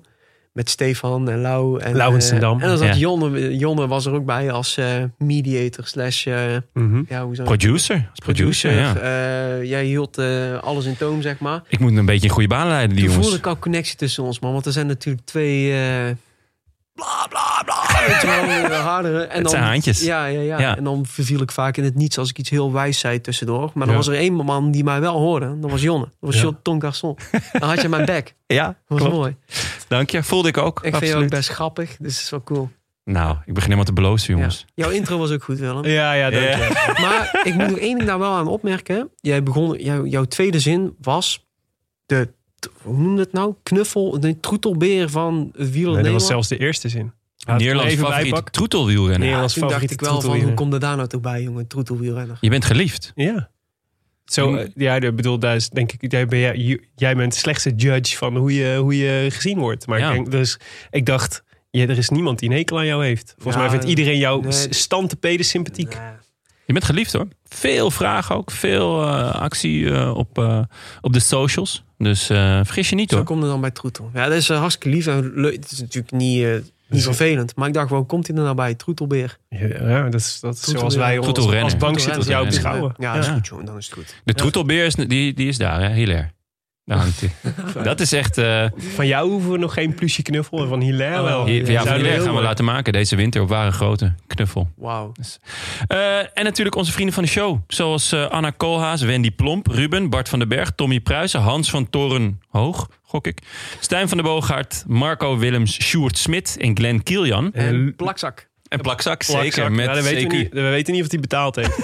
maar het zou kunnen. Luca Toni, Paul Ploeger, Pieter van den Akker, David Hessing, Nick Schreuder, Thomas Michon, Ted Vonk, Fopke Fopma, Roderick van der Ploeg. Ja, Jansen. Willem, Willem verzint het allemaal zelf, hè? Allemaal zelf. Oh, dat maakt eigenlijk niet echt. Nee, Wil- Sammeke Boterhammeke. Sammeke Boterhammen. Wil je je aansluiten bij het Rode Leger van inmiddels meer dan 1200 vrienden? Kijk dan even op eh de rolandtaarnpodcast.nl en eh, doe een donatie. Eh, de Roland Taarn wordt verder mede mogelijk gemaakt door dag en nacht natuurlijk. En hetskoers.nl met veel dank aan de redactie. Bastiaan Gejaar, Maarten Visser, Leon Geuyen. Alsmede notaris Bas van Eyck. Tevens gediplomeerd brandweerman te Made. Het worstenbroodjes en postduivenmekka van Nederland. Ben je het daarmee eens? Made? Worstenbroodjes mekka? Ja, dat is niet iets om mee eens te zijn. Dat Dit is gewoon een gegeven, Willem. vastgesteld. Oké, nou... maar eh, toch, ik, eh, ik verwijs wel jullie door naar dus inderdaad die contest die eraan komt. ja, Theo Pastoor. Theo Pastoor. Knopen in. Als je, als je een beetje wil doen, dan is Theo Pastoor een goeie. Zou- kan ik daarop inzetten? Ja, dit zou terecht ben, zijn. eh, ja. kunnen we toch regelen met de vrienden van Toto? Ik wou net zeggen, we gaan Toto. Oh, dat zou leuk zijn. wie, Om- wint het, wie wint de worstenbroodjes? eh, Als het jubileumeditie is, dan denk ik wel dat hij gewoon meedoet. Dan is hij erbij. Ja, kijk, als Theo Pastoor een, een quote hoger dan 2,5 heeft, dan, ga ik, dan zet ik alles erop. Alles erop wat ik, eh wat ik op mijn spaarrekening. checken? Ja, graag. Eh, Willem, hebben we nog een brandweer-update? Nou ja, ehm, nou, naast het, eh, naast het, eh, de, de, het bejaardenhuis hebben we, ook een, hebben we ook andere vormen van begeleid wonen in Maden. Waaronder aan de Sint-Jozefhof. En ook daar hebben ze een automatisch brandalarm. En 30 oktober 2021 om 19 uur 10. Weet Ja. je nog wat je deed op dat moment? Eh, Zeg nog eens, 30 ja. oktober? 30 oktober, 19 uur 10. Zee- 10 over 7. Dit jaar. Ja, Ja. afgelopen... eh, Oh. ja, ik was aan het pokeren, weet ik. ik denk dat ik gewoon in de koffieshop zat. Ja, in de boel. De bulldog. Ja. Eh, ging een automatische brandalarm. Eh, tijdens het inmelden van de kazerne kregen we van de meldkamer door dat ze inmiddels contact hadden met eh, de Sint-Jozefhof. Ja. Zij hadden aangegeven dat het een ongewenste melding zou zijn. Vind ik mooi, hè? Een ongewenste. Ongewenste melding. Ja, we hebben, we hebben je gebeld, maar dat was niet, dat was niet gewenst. ik vermoed, ik vermoed en, en de laatste zin van dit persbericht zou de tekst op jouw grafsteen kunnen zijn. Wij zijn niet uitgerukt. Ja, Willem, ik zeg dat al jaren. In Maden ben je nooit uitgerukt. Wij zijn nog lang niet Ja, uitgerukt. als daar het licht op rood, als daar het licht op groen. In maden. In Maden ben je nooit uitgerukt. Dat is de conclusie. Ja. Wil je reageren op deze Rode Lantaarn? Dat kan gewoon hoor, jongens. Dat kan. Je vindt ze op Twitter en de Gram. En eh, mailen kan ook altijd op groetjes rodelantaarnpodcast.nl. Tot de volgende keer. Dan doen we een bijzondere special, special met Maarten Koolsloot. Dan gaan we het over die familiaire Rabobank hebben. Hij is namelijk de auteur van De Raboploeg. Een boek over de opkomst en ondergang van, eh, van het Rabobank Wielerplan. En eh, de daaruit voortkomende ploeg. Toch Willem? Heb je hem gelezen Sam? Nee man. Vet boek. Echt vet. Moet je Ik, doen. Goed eh, verhaal. ja, ja, zeker. Nee, het is niet lekker kort, maar het is wel heel eh, doorgrond. Het Ja. gaat eigenlijk helemaal vanaf het moment dat Jan Raas op zoek ging naar een nieuwe hoofdsponsor. Omdat het Mhm. eh, Nederlandse wielrennen op zijn gat lag. En dan de Rabo, Herman Wijfels van de Rabobank treft als, eh, als eh, iemand die enthousiast is over wielrennen. Die dan instapt. En dat ze dan in het begin helemaal dat Rabobank wielerplan uitrollen. Eh, dat is jou niet onbekend natuurlijk, dat Rabobank wielerplan. En dan uiteindelijk in de zucht om de gele trui. Want dat is dan, op een gegeven moment wordt er een beslissing genomen. We willen de Tour winnen. En dan langzaam stort alles in. Dan belanden ze in de ellende van de, van de epo-duistere periodes van het, eh, van het, van het wielrennen. Zou Ja. daar nog eens een keer een film over komen? Nou, als je, Ja, het boek, als als je je dit boek leest, dan denk je wel dit, van, zou, oeh. dit moet echt verfilmd worden. Zou wel vet zijn. En dan, dat dan uit de, de as van die wielerploeg dat jij dan komt te ja, racen. ik wil net zeggen, zouden we daar gewoon niet ons aanmelden voor een rol? Of Ja, weet je wel? nou ja, zeker. Ja. Ehm, het Hey, maar met, eh, unieke eraan is dat hij Jan Raas aan het praten heeft Ja, gekregen. ja. En dat is, dat Ja. is jarenlang toch een enigma geweest eh, Ja. in de wielerwereld. ja. hij, hij heeft hem wel aan het praten gekregen, maar echt heel veel zegt hij nou ook weer niet. Veel praten, weinig vertellen. Nou, Ja. Het is, het is- hij zegt veel, het is Ja. ingewikkeld. Oké. Ja, het is ook Maar ingewikkeld. gaan, Ik heb nooit gezegd dat het makkelijk was. Hè? Maar met, eh, met Maarten Koolsloot gaan we dus een soort prequel maken... van twee eerdere afleveringen die we van de, met de Roland Ja. Hebben gemaakt. Dat waren specials over Jotto Lumbo. Dat was de, de slechte periode na Rabobank, zeg maar. Dat ze niks wonnen en, eh, en het allemaal maar eh, nou ja, gezapig was. Veel Jotto, weinig Lumbo. En team Jumbo-Visma, dus zeg maar eigenlijk eh, waar we nu staan. Dus de, de eigenlijk dus, aflevering 1 over de magere jaren, aflevering 2 over de vette jaren. En dat is heel leuk, want het is met Marijn Zeeman, Bram Tankink, Jos van Emden die over die periode praten. Die vind je in ons archief, maar die zullen we voor het gemak ook nog even delen op de socials. Maar dit wordt dus eigenlijk de aflevering die, je, die eigenlijk in de historie daarvoor zit. Yes, heel veel de zin. tijdlijn. Ja. Dus dat wordt leuk. En, eh, en misschien maken we nog wel ergens anders een special. Maar, dit, eh, maar eh, we hebben een aardig rijtje inmiddels. Leuk. Dus eh, genoeg te luisteren. Jongens, eh, Sam, dankjewel. Dank jullie wel. Jonne, a biento. A biento. Zo. Zo doe je dan weer even een middagje gewerkt. Sitting